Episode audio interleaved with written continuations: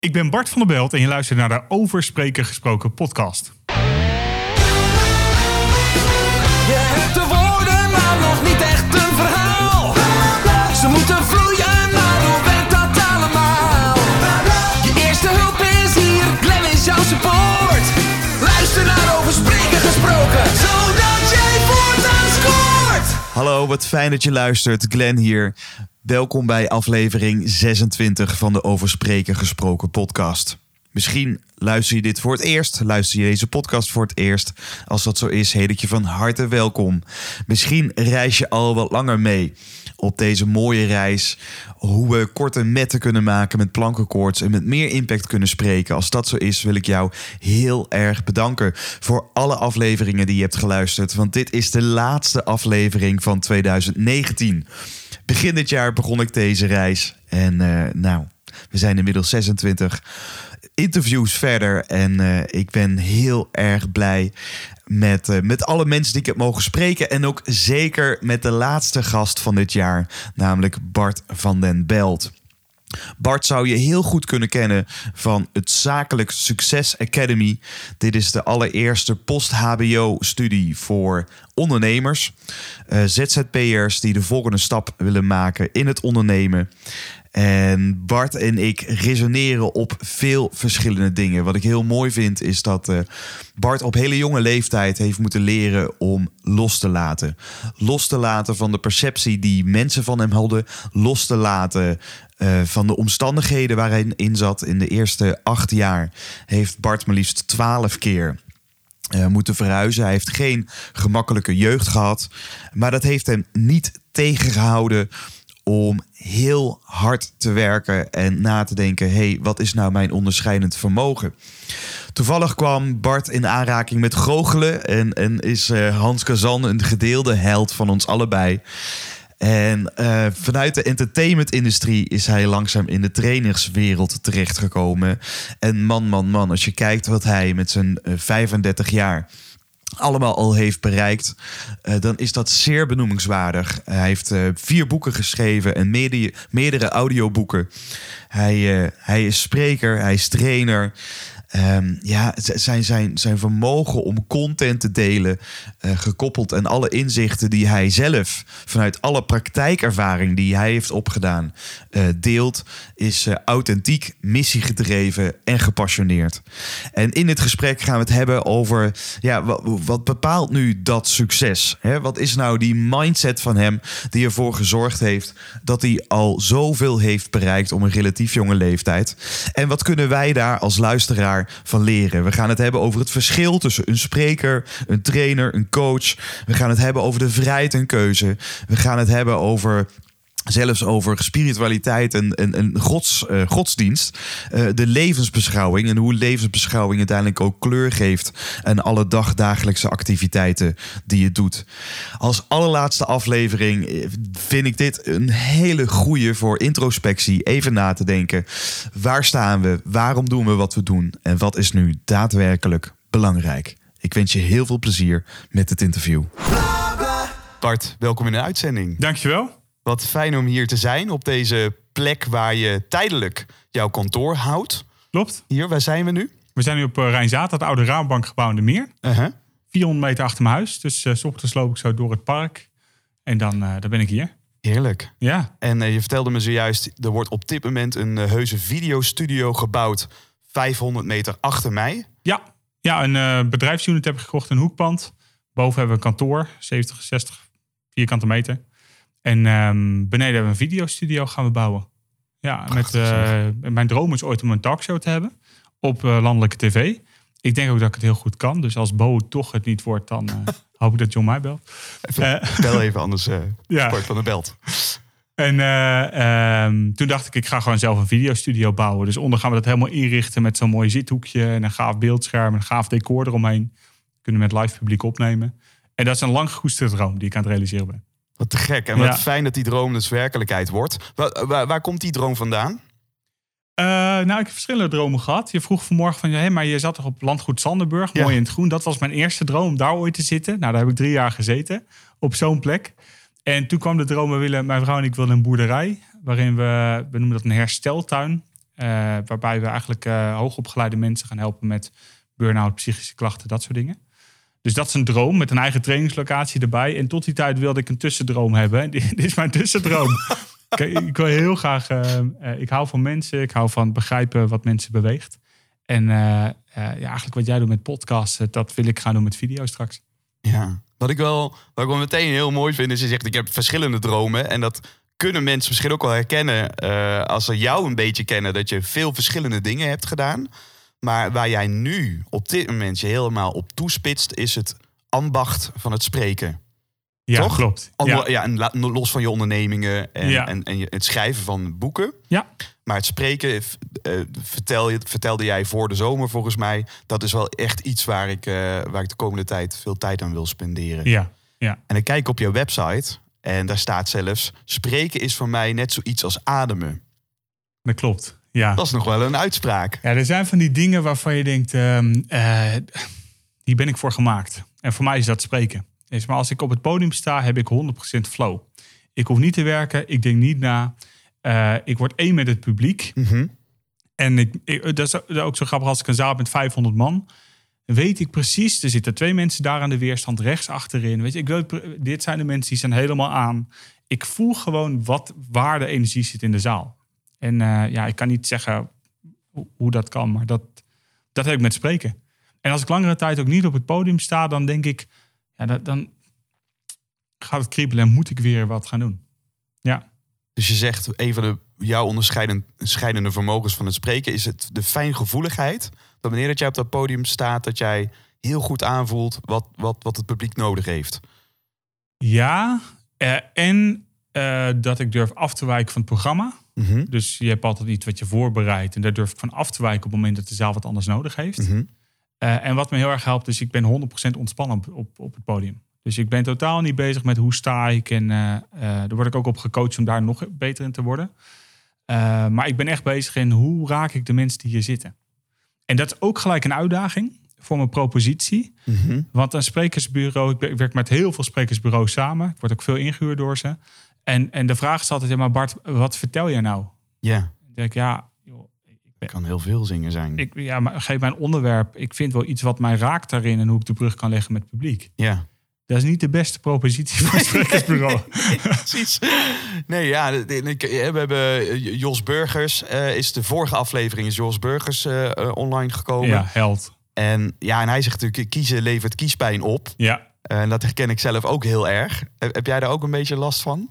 Eh, nou, je moet je afvragen waar je keuze in maakt. Dus mijn keuze is, ik ben spreker. En ik ben eh, een trainer. Maar ik ben geen coach bijvoorbeeld. Dat is iets, eh, dat is voor mij heel helder. Wat dus is ik voor heb jou het verschil tussen trainen, spreken en coachen? Een spreker inspireert.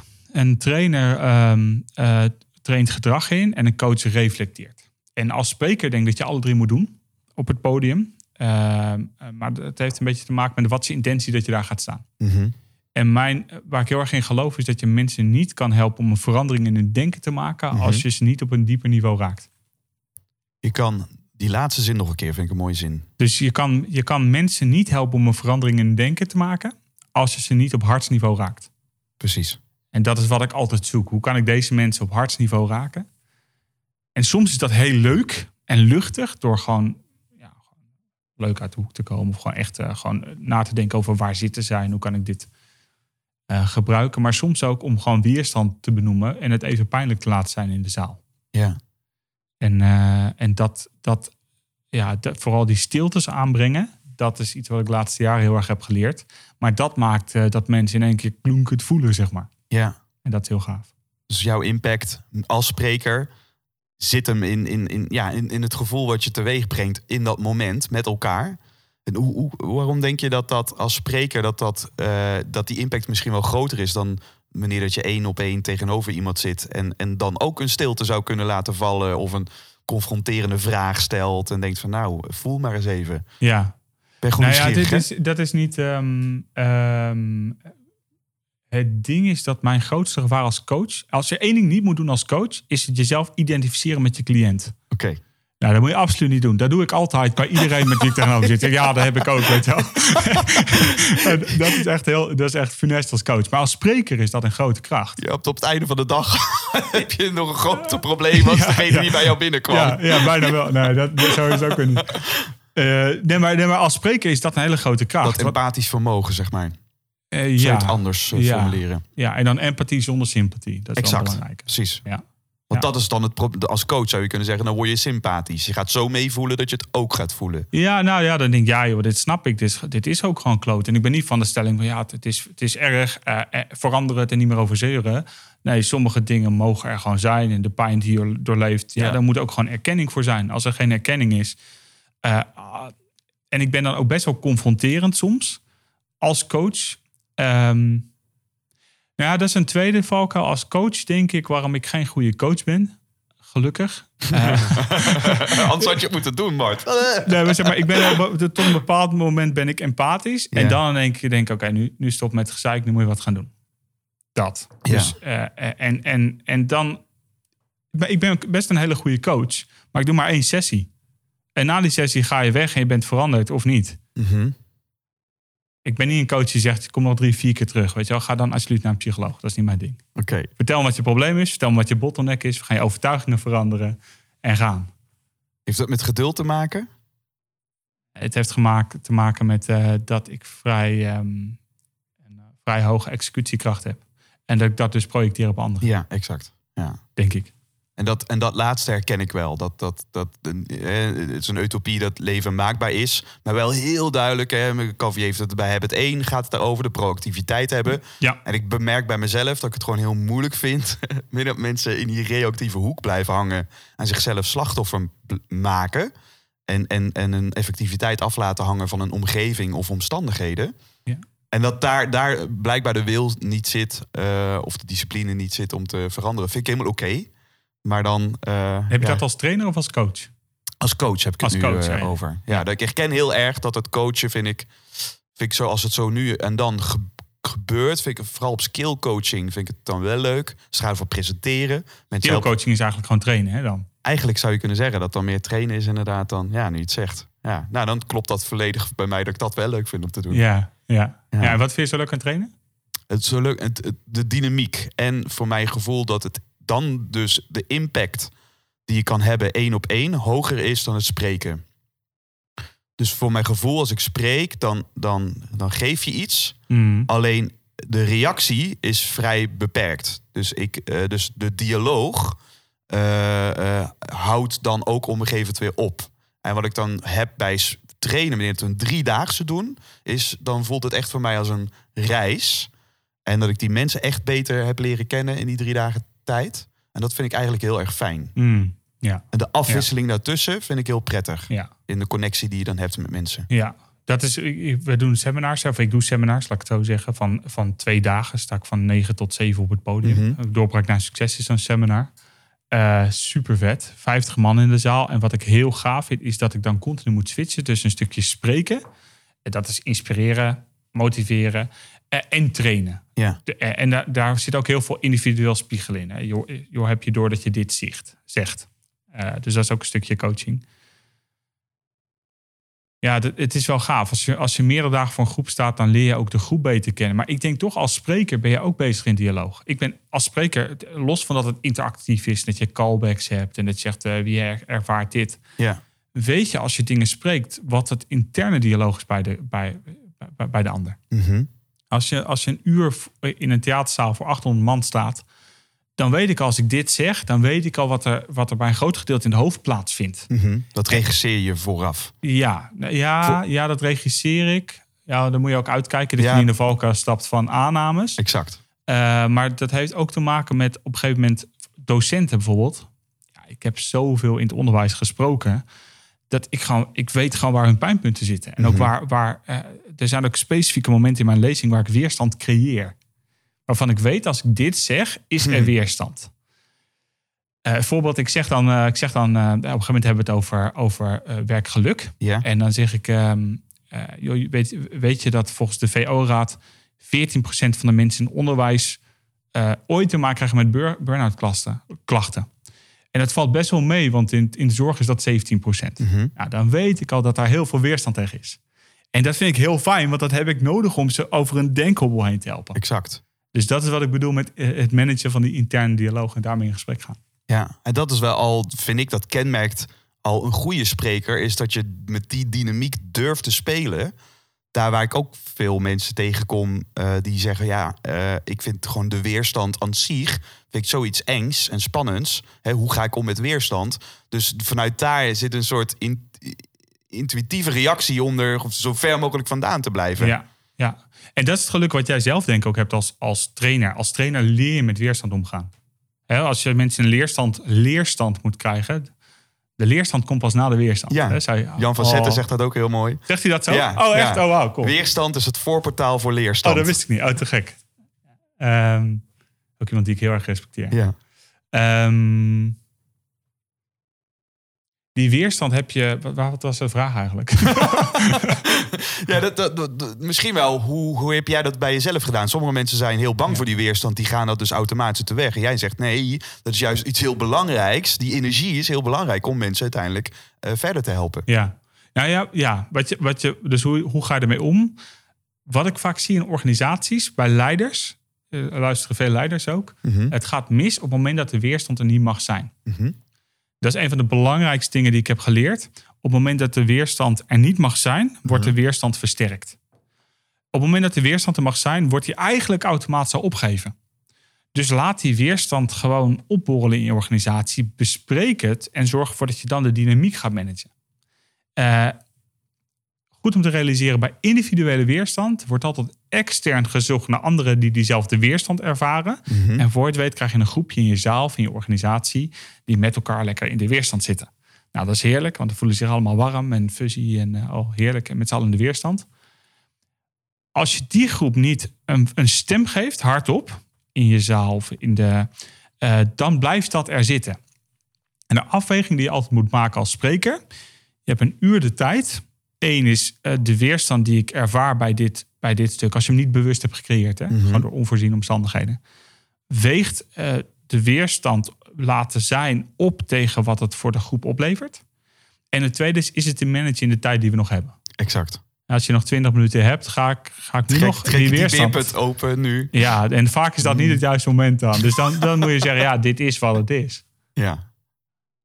En dit, dit voel jij aan als je op een, op een podium staat. Vanuit die Ja. ontspanning die jij ook hebt. Ja, ja en ik, ik, ik kan niet vertellen wat het is.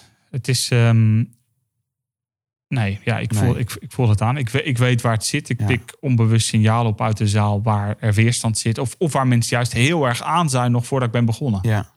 Ja. Dat gebeurt ook wel eens. Mooi. En, en die, die ontspanning, die, die noemde jij net. eh, en en voor, in mijn onderzoek wat ik nu doe naar wat maakt nou een spreker heel effectief, dan is dat een van de allerbelangrijkste facetten die ik tot nu toe ben tegen ben gekomen. Als het gaat over eh, de, de spreker zelf, Mhm. los van de boodschap, los van de engagement met het publiek, is het vermogen om te ontspannen op dat podium. Ja, En dat is natuurlijk voor mensen die het niet vaak doen. eh, en ineens op zo'n podium worden gegooid. Ja, alle alarmbellen gaan rinkelen. Je ziet Ja. letterlijk een soort fight, flies, flight, freeze response op dat podium. ja. Ik voelde als publiek mee en, en haak daardoor uit. Stop met luisteren naar de boodschap. Het wordt ook te eng dan vaak. Hè? Want want je wil dat de spreker controle heeft. Ja. En om, als er controle is, durf ik me veilig te voelen in de groep. Ja, En, eh, en als de spreker geen controle heeft, dat voelt heel onveilig voor een Ja. groep. het is grappig dat jij dat nu zegt. Dat is eigenlijk bij iedere professie zo, realiseer ik me nu. Ja.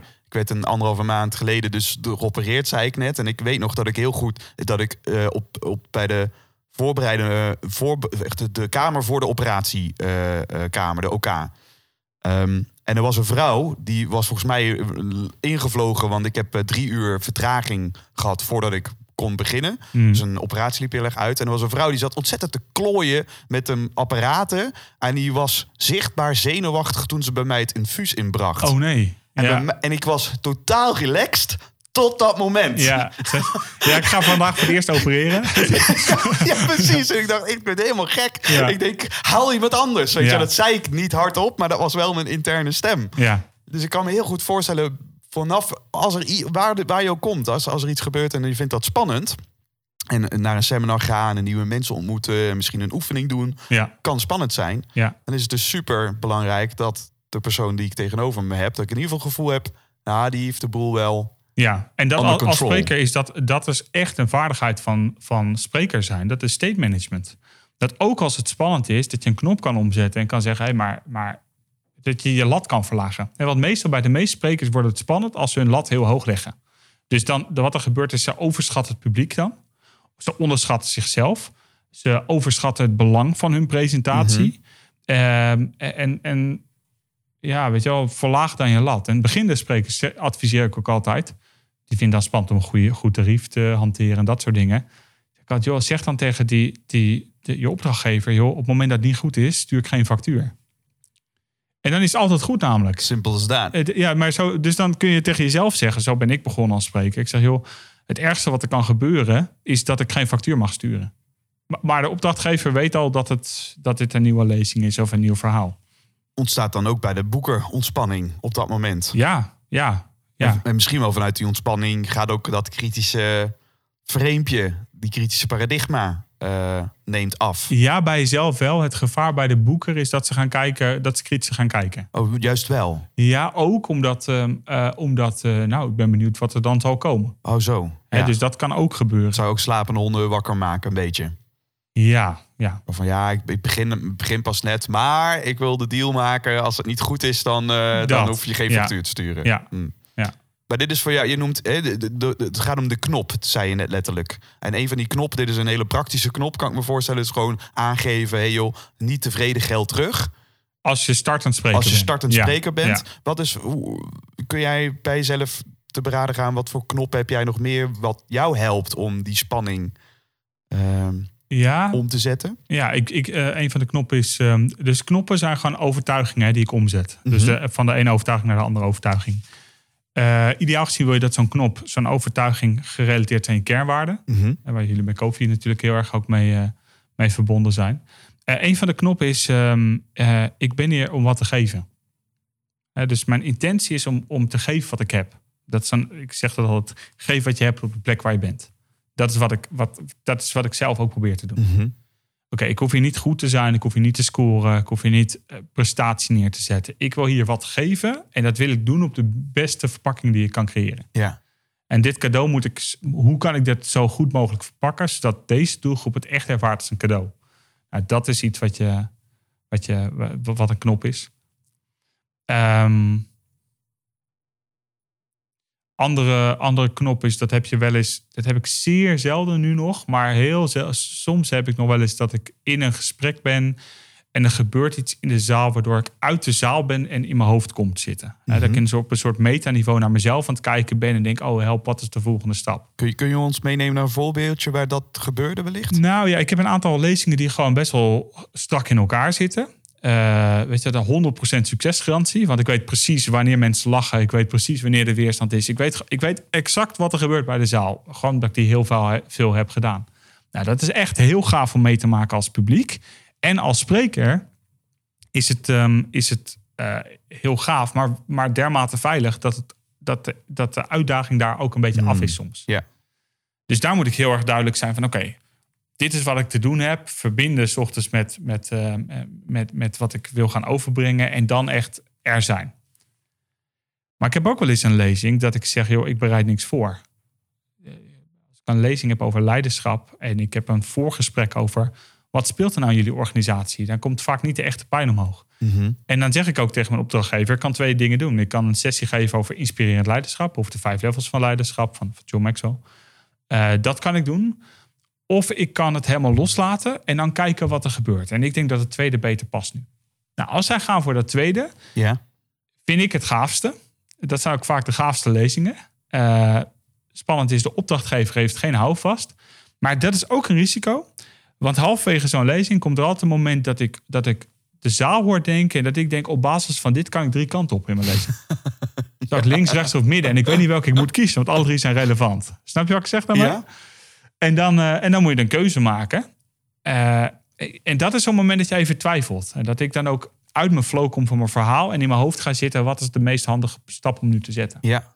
En als ik dus goed begrijp, jij, jij, komt dus vrij eh, onvoorbereid kom je op. Je gaat de connectie maken met het publiek. Je gaat eigenlijk samen inventariseren. hey, waar moet het volgens jullie nu over gaan? Ja, eigenlijk is de vraag, wat zijn de uitdagingen in de organisatie? Dat is ook letterlijk de vraag die je dan stelt in ja, het begin. en waar loop jij persoonlijk tegenaan? Alright. Of ik eh, vraag wel eens, waarom werk je hier?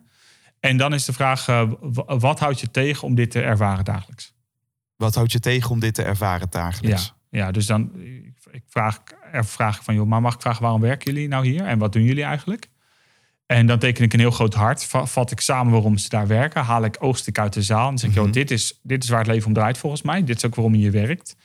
Eh, omdat je het wil bijdragen. Omdat je het gevoel wil hebben dat je ertoe doet. Omdat je je cliënt beter wil helpen. Omdat je voldoening wil ervaren. En dan teken ik daarnaast heel groot een euroteken en een, eh, en een klok. Mhm. En dan zeg ik, de realiteit is dat hier het leven om draait. Maar dat de maatschappij hierop wordt gestuurd. Ja, Tijd en geld. ja. En wanneer ervaar je nou de worsteling tussen die twee? Mooi. Nou, dan krijg je een heel verhaal omhoog waar, waar dat is. Ja, En van daaruit kijk ik welke pijn is hier het grootst aanwezig. En gaan we, gaan we richting op. mooi. En dan zeg je dus, er, zijn dan, er ploppen altijd meer ideeën in je hoofd omhoog... dan dat er op dat moment tijd is om te delen. Ja, ja. En dan is dus de uitdaging, dat voelt het publiek misschien ook... dat we op een gegeven moment op het punt komen dat het, het publiek denkt... oké, nu hebben we dit geïnventariseerd.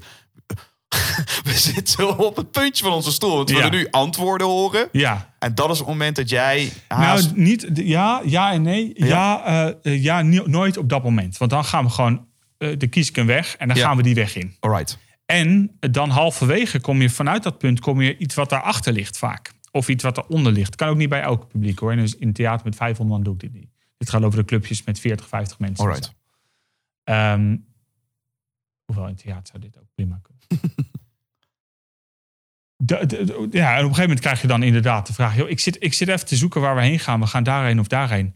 En dan vraag ik het ook wel eens aan het publiek. Ik had laatst had ik een lezing bij een ziekenhuis. Ben ik voor de derde keer geweest. Super gaaf. Gaat over clinical leadership. Waar ik training geef over leiderschap als, eh, als eh, zorgprofessional. Mhm. Ehm, en toen vroeg ik ook, joh, we, kunnen nu twee- we hebben nog anderhalf uur. Ik zou daar drie uur eh, een inspiratiesessie geven, wat gewoon eigenlijk een training is. En toen zei ik op een gegeven moment, zei ik, joh, we kunnen twee kanten op. Ik kan de kant op waarin ik jullie allerlei adviezen en tips ga geven. En dan gaan jullie naar weg met een rugzak vol tips. Of ik kan de andere kant op, en dat is spannend, want dan gaan we de diepte in en dan wordt het pijnlijk ook. Maar daar hebben jullie het mee staan. En dan laat ik het aan hun, want ik vind dat onderdeel van le- leiderschap. Eh, en dan moet zij zelf als groep een wel over afgewogen Ja. keuze maken. En dan kiezen we dus een richting. En de meeste mensen, dus, hè, dus ook haast hier zit al een soort framing. De- Uiteraard. De, meeste mensen kiezen natuurlijk voor de dieper liggende antwoord. Ja, Ja, ik Ja. herken dat heel erg. Dat ik ook vaak vraag van, joh, als ik mezelf wil voorstellen, denk ik, nou, ik kan een zakelijk en eh, professioneel verhaal vertellen, of ik kan een persoonlijk eh en verhaal waar kies je vertellen. voor dan? En dat, dat geeft dan het publiek. Zeg, joh, ik, ik, ja, ik kan me voorstellen, maar ik ben even benieuwd van, joh, we kunnen die kant op, die kant op. Kies je altijd voor Ja, ze kiezen altijd voor persoonlijk. Ja, En ja. uiteindelijk is dat ook de kant die ik natuurlijk, ja, dat, wat ik weet dat ze kiezen. Ja, Eh, en, en daar zit natuurlijk dan. En maar als ze zakelijk. Ik heb één keer iemand, een groep gehad die zeiden van ja, we willen gewoon zakelijk weten. En dat was ook helemaal prima. Dan. Ja. Eh, maar het is grappig dat je moment. harder gewoon- werken, hè? Het is harder werken. Harder werken. ja. Want wat, dat raken op hartniveau is Ja. dan natuurlijk minder dan wanneer dat je ja, je eigen persoonlijke drijfveren Ja. deelt met zo'n zaal. In mijn boek eh, De Online Marketing Machine heb ik een modelletje over commitment creëren Ja. in je marketing. Maar dat is ook in je, in je lezing. In je lezing wil je commitment creëren. Mhm. En ik heb dan commitment gedefinieerd als twee dingen. Er moet pijn, eh, pijn zijn bij, bij degene die luistert. Hè, dus de, of een verlangen. Ja. Dus er moet vanuit Pain or gain, hè? Ja, pain or gain. En er moet vertrouwen zijn in degene die voor de groep staat. Ja. En vertrouwen bestaat dan uit twee dingen. Bestaat uit likability en autoriteit. Mhm. Dus je moet likable zijn, je persoonlijke verhaal vertellen en autoriteit. Ja. Nou zijn er heel veel sprekers die zijn alleen likable, maar hebben geen track record. Ja, dan wordt het heel moeilijk om, om eh, zeker eh, hoge D's en hoge, hoge C's, Ja. zeg maar, om die, om die Je, je noemt nu even disc, hè? Tussen Ja. deze lippen. Dus even voor de hoge D's, hoge C's. Ik hoor een luisteraar denken. Waar heeft ja, dus de over? mensen die heel daadkrachtig zijn, de mensen die ook van de details en con- conscientieus zijn. Dankjewel. Eh, om die mee te krijgen. Dus je moet, je moet, ik denk dat je en autoriteit moet vertellen en likable. Ja.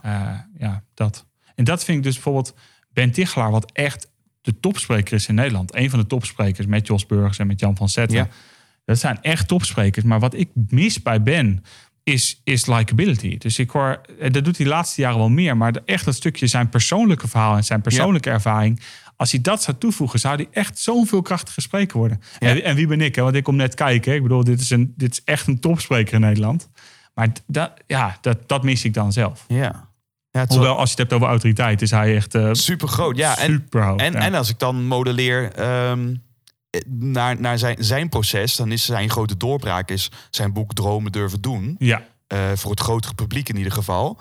En, en daarin is hij juist heel, neemt hij zijn, eigen ge- eh, gewicht eh, heel erg als voorbeeld. Ja. Dat hij struggelde met zijn eigen gewicht. En als je Klopt, filmpjes ja. kijkt Ja. van 15 jaar geleden, had Ben nog wat langer haar. En dan was hij ook echt wel een stuk eh, voller dan nu. ja. Eh, dus, de, dus ja, ik, ik kan me wel voorstellen dat ik, ik snap wel, als ik hem op een podium zie, dan is die vaak heel binnen de lijntjes. Ja, heel zo persoonlijk gestructureerd. is hij echt heel persoonlijk. Dat is wel gaaf. Als Ja. je hem persoonlijk ontmoet, is Maar als hij ik echt dus heel- een boek lees, dan, dan herken ik dat wel of zo. Ja. Dus als, dan deelt hij wel veel meer die, die, dat persoonlijke. Ja, En Parcelle van Goetem, eh, een beetje de overtuigingsexpert in, in, in Nederland, die koppelt daar nog een derde bij. Dus je zegt, je hebt autoriteit en je hebt de vriend, ja, maar je hebt ook het voorbeeld. ja. Pathos, ethos, logos. Hè? Exact. Klassieke rednaam. Exact. Ja, En ja. het voorbeeld kan nu of vloggers zijn die je gewoon cool vinden. Hè, dus ik wil deze persoon volgen, die heeft nog geen autoriteit. Eh, heeft misschien ook niet, eh, deelt niet zo heel veel persoonlijk verhaal. Maar ik vind hem gewoon cool, dus ik wil me daaraan optrekken. Ja, Maar voor mij is dat ook heel erg lead by example. ja, ja. Dus met andere Ja. woorden, je kan een track record hebben en ook heel vriendelijk zijn. Maar als je zelf niet doet, Ja, dus als je eigen Zeker. dingen niet vreet, ja. Ja. dan, dan sterf je bij mij toch aan geloofwaardigheid. ethos. Ja, mis je dan. Ja. Ja, mooi. Jij zei net, ehm, uiteindelijk is die pijn bij het publiek. Hè? Uiteindelijk komt er een pijn omhoog. En dan, het- je zei het ook op een manier. Sorry, ik zie Ja? je al kijken. Ja, ja, pijn als in je wil ze hongerig maken. Je wil ze hongerig Ja. maken. En, op, en, en het leek wel alsof jij in je hoofd al voor jezelf een soort structuur hebt in wat voor pijnen er dan omhoog komen wanneer dat je voor zo'n groep spreekt. Klopt dat? Dat er vaak kunnen we dat destilleren? Nou, ja, kijk, als ik, als ik een voorbespreking heb, vraag ik dit altijd. Ik vraag, ik vraag in een voorbespreking altijd, wat wordt er besproken als management er niet bij is? Dat is een vraag die ik altijd vraag aan stel. het management. Vraag aan management. Wat wordt er besproken als jullie er niet bij zijn? En Ja, dat, ze weten het allemaal. Ze weten het altijd. Bijna altijd. Eh, die dingen, die, die benoem ik. En daar vraag ik ook vaak toestemming om. Dat zijn de dingen die ik wil benoemen. Want dit zijn dingen die leven in jullie organisatie... waar relatief weinig ruimte voor is gecreëerd. Als we daar ruimte aan geven en het gaan herkaderen... eh, dan wordt het heel constructief voor de organisatie. Ja. Hoe, En gaat reageert, wel over hoe, veranderen, hoe reageert men dan daarop? Ik kan me voorstellen dat ja, een directie of HR eh, Dat is ook heel fijn. heel fijn Ja, juist. die denken, ja, ja dit Nu is weet toch- ik dat ik de goede spreker voor me dat is wat meestal gebeurt. Ja, Ja. ja. Ja, ja. Iemand die mij ook begrijpt met de ja, struggles die ik heb. ja. Zit er een groot verschil tussen, tussen de pijn van de zaal, de mensen die je toespreekt, en uiteindelijk de, de opdrachtgever? Dat is helemaal afhankelijk van de, van de organisatie en van de vraag die er is. Ehm, nou, dat ligt ook hoe je je voorbespreking doet. Nou, als spreker moet je een goede voorbespreking doen. Eh, ik vraag altijd, eh, als alles zou kunnen, wat wil je ideaal gezien bereiken? Ja. Nou, alle overtuigingen over wat niet kan overboord. Dan gaan zij heel erg duidelijk vertellen of wat ze willen bereiken. Ik zeg nou prima. En daarnaast de check, maar is dat ook haalbaar met deze groep? En veranderproces, dan moet 20% van de mensen moeten eruit. Ideaal gezien willen we dat iedereen met een goed gevoel naar buiten loopt. Ja, sorry, dat kun je wel willen, maar dat is niet haalbaar. Dus wat je moet zeggen is, joh, wa- wat je, wat je moet erkennen is dat, dat het gewoon rot is. En dat je daar en, eh, en daar ruimte aan geven. En er zit een rouwproces aan. Dat rouwproces moet je delen. Ja. En dat is, als, als ik dan terugkom op jouw vraag net van... ehm, zijn er pijnen die overal gelijk zijn? Dat is best wel moeilijk om te zeggen. Mhm. In essentie is, is een van de pijnen die er altijd is... is we moeten iets loslaten. Mhm. Uh, omdat, er, omdat we iets nieuws moeten oppakken. Uh, dat is een van de pijn die eigenlijk, of ik nou met leiders spreek, of met ondernemers, of, of uh, sales manager van een Brunel, van een Jad. Uh, in essentie is, we moeten iets loslaten wat ons houvast geeft. Dat is altijd een pijn. Ja. En juist dat de ruimte geven, hoor ik je ook zeggen, is een van de allerbelangrijkste facetten in, in, de, in dat verandermanagement voor de leider. Is hè, wat je zegt, uh, mensen stoppen het misschien weg, dan moeten 20% weg. Daar gaan we het vooral niet over hebben. Ja. En jij zegt juist, nee, juist door dat de ruimte te geven en ook te erkennen. Ja. En vanaf pas als je het erkent, kun je er ook weer een, een rouwproces model. Of dan kun, dan kun je het ook faciliteren. Ja, Ehm, en voor alles is een tijd. Hè? Dus je moet ook kijken in het, in het pad van de verandering. Past dit op dit moment in het pad van de verandering? ja. Hè, Maar als het wordt benoemd, dan moet je er ook ruimte aan geven aan de pijn. Wat ik wel heel leuk vind, Bart, ook in dit gesprek, en we schieten meteen lekker alle kanten op, realiseer ik mij. Ik ben niet heel gestructureerd, waarvoor luisteraar excuus. maar wat ik zo mooi vind, is, is je zegt aan het begin van het gesp- gesprek, ik vind het, de vorm spreken vind ik fantastisch. En waarover dat gaat, vind ik eigenlijk al secundair. Maar de vorm van het spreken, Ja. dat is eigenlijk wat ik het allerleukste vind om Ja. te doen. Ja, En dan, ja, dan ken ik heel veel mensen die echt puur gefocust zijn op het spreken. Er zijn hele leuke sprekers, mist misschien een inhoud. Mm. En dat is jouw credibility. Dat als het gaat over veranderkunde, als het gaat over leiderschap, als het gaat over management en ondernemen, dat jij in de leergierigheid en nieuwsgierigheid die jij zelf hebt, inmiddels zoveel dingen hebt verzameld, dat jij ja, misschien ook wel kan focussen op die vorm, omdat je eigenlijk al kan zeggen, nou die, die basiskennis, daar mag ik ook wel Ja. op rusten misschien. Ja, en misschien ook, ehm, ja. Kijk, een van de uitdagingen, en daar struggle ik persoonlijk nog steeds mee. Ik heb geen master afgerond. Ik wilde drie, vier jaar geleden wilde ik bij, eh bij Nijrode een master gaan doen, gewoon een MBA. Oké. Eh, ik zei, joh, mag ik bij jullie 40.000 euro uitgeven? En toen zei ze, nee, want je hebt geen HBO-opleiding. Ja. Ik heb geen HBO-opleiding. Ik heb een, ik heb een, eh een, een gehaald in creatieve therapie, dus basisjaar psychologie. Maar ik ben echt niet gemaakt voor dit onderwijsstelsel. Ik, Nee. ik echt totaal Nou, we kunnen elkaar de hand geven. Ja, dat, zijn allebei MAVO jongetjes. ja, dat. Maar, maar ik durf te zeggen dat als ik met een psycholoog zit, dat zij misschien wat meer weten over psycholo psychopathologie. Maar ik durf te zeggen dat, dat, dat ik van veel psycholo- psychologen beter weet hoe ik mensen sneller tot resultaat kan krijgen. Ja. Gewoon omdat ik zoveel gedragspatronen zelf heb doorworsteld in mijn leven. En heb gezien in mijn jeugd. En, eh, en heb cliënten gewoon heel snel tot resultaat heb gebracht. En, de, en dat vind ik zelf nog wel eens jammer. We leven in een maatschappij waarin eh, diploma's heel hoog worden gewaardeerd. Ja. Eh, en terecht, want dat zegt ook iets over de leerweg die je hebt, hebt afgegaan. En tegelijkertijd, ehm, ehm, kijk, je hebt twee soorten mensen, denk ik. Je hebt mensen van de wetenschap en je hebt mensen van de praktijk. Ik ben 100% van de praktijk. Mhm. Ik zeg, vertel me een probleem. We gaan zorgen dat we het oplossen met heel veel feedback loops. En we gaan een strategie leren die, we, die werkt. En dan gaan we dat testen op verschillende personen of het werkt. Ja, en dan zou je kunnen zeggen... Tegen die tijd moet je evidence-based onderzoek aan koppelen. Maar dat is nou ook weer niet mijn ding. Dat moeten andere mensen dan, eh, dan maar doen. Maar dat is, dat is mijn worsteling. Dus ik durf te zeggen dat ik echt heel veel weet over de inhoud. Maar als je naar mijn track record kijkt qua opleiding, heb ik dat niet. Nee. Eh, Word je daar nog wel eens op afgewezen, Bart? Nee, ik wijs mijzelf daarop af, denk ik. Ja, want dat, is, dat, dat, dat wilde ik checken. Hè? Ja. Daarom dus, dus eh, ik, ik, ik herken heel erg het intrinsieke stemmetje. Eh, we hebben z- 16 jaar op, op school gezeten dat tegen ons werd verteld... je kan niet stilzitten, je kan niet concentreren. Eh, stilzitten, ga maar MAVO doen. Dan heb je wat meer begeleiding en zo. Ja, same here. En, en dan is dus nu de vraag: hoe vaak worden we daadwerkelijk door de buitenwereld afgewezen op het feit dat we die MBA niet hebben? Nee, in de praktijk niet. Maar als ik kan zeggen tegen. Als ik, als ik eh, voor een groep CEO's zit, en het is Bart van der Belt MBA. Of dokter Bart van der Belt. Ja, eh, of Bart van der Belt psycholoog. ja, eh, dat is een hele andere. Hoef je niet meer te werken aan autoriteit. precies. En in mijn hoofd, en daar vraag ze of dat zo is. ehm voor mij is het veel makkelijker om drie keer mijn tarief te vragen wat ik nu vraag. op het moment dat ik dokter voor mijn naam kan zetten. ja. Alleen de weg naar dokter zijn. Ik denk dat ik dat cognitief makkelijk aan zou kunnen in de fase waar ik nu zit in mijn leven. Mhm. Ik bedoel, ik heb vroeger heel veel shit meegemaakt, dus er was gewoon geen ruimte om te studeren. Eh, ja, dat is een vijfjarige HBO-opleiding plus een tweejarige master. Ja, ik wil niet meer die weg afleggen nu. Ik ben nu 35, mijn bedrijf loopt als een trein, ik doe wat ik leuk vind. Ik wil niet nog zeven jaar studeren alleen voor de titel, want dat Ja. zou voor mij de essentie zijn. ja. En ergens denk ik wel, ga ik daar spijt van krijgen ooit. Als ik, nou dat. Dat, dat, ja. Heb jij dat niet dan? ja ik, herken, ik, ik herken het. En, het, en, de, en de berusting vind ik bij gewoon ieder jaar iets, iets doen waar ik heel veel van leer. Dus vorig jaar was dat de Master Practitioner eh, NLP bij de meest gedegen NLP-opleiding die ik kon vinden in Nederland. Ja. En dit jaar is het de podcast. En Ja. ik ben nu al met een half oog aan het nadenken... wat, waar, waar storten we onszelf in 2020 in? Ja, ja, ja. Dus ja.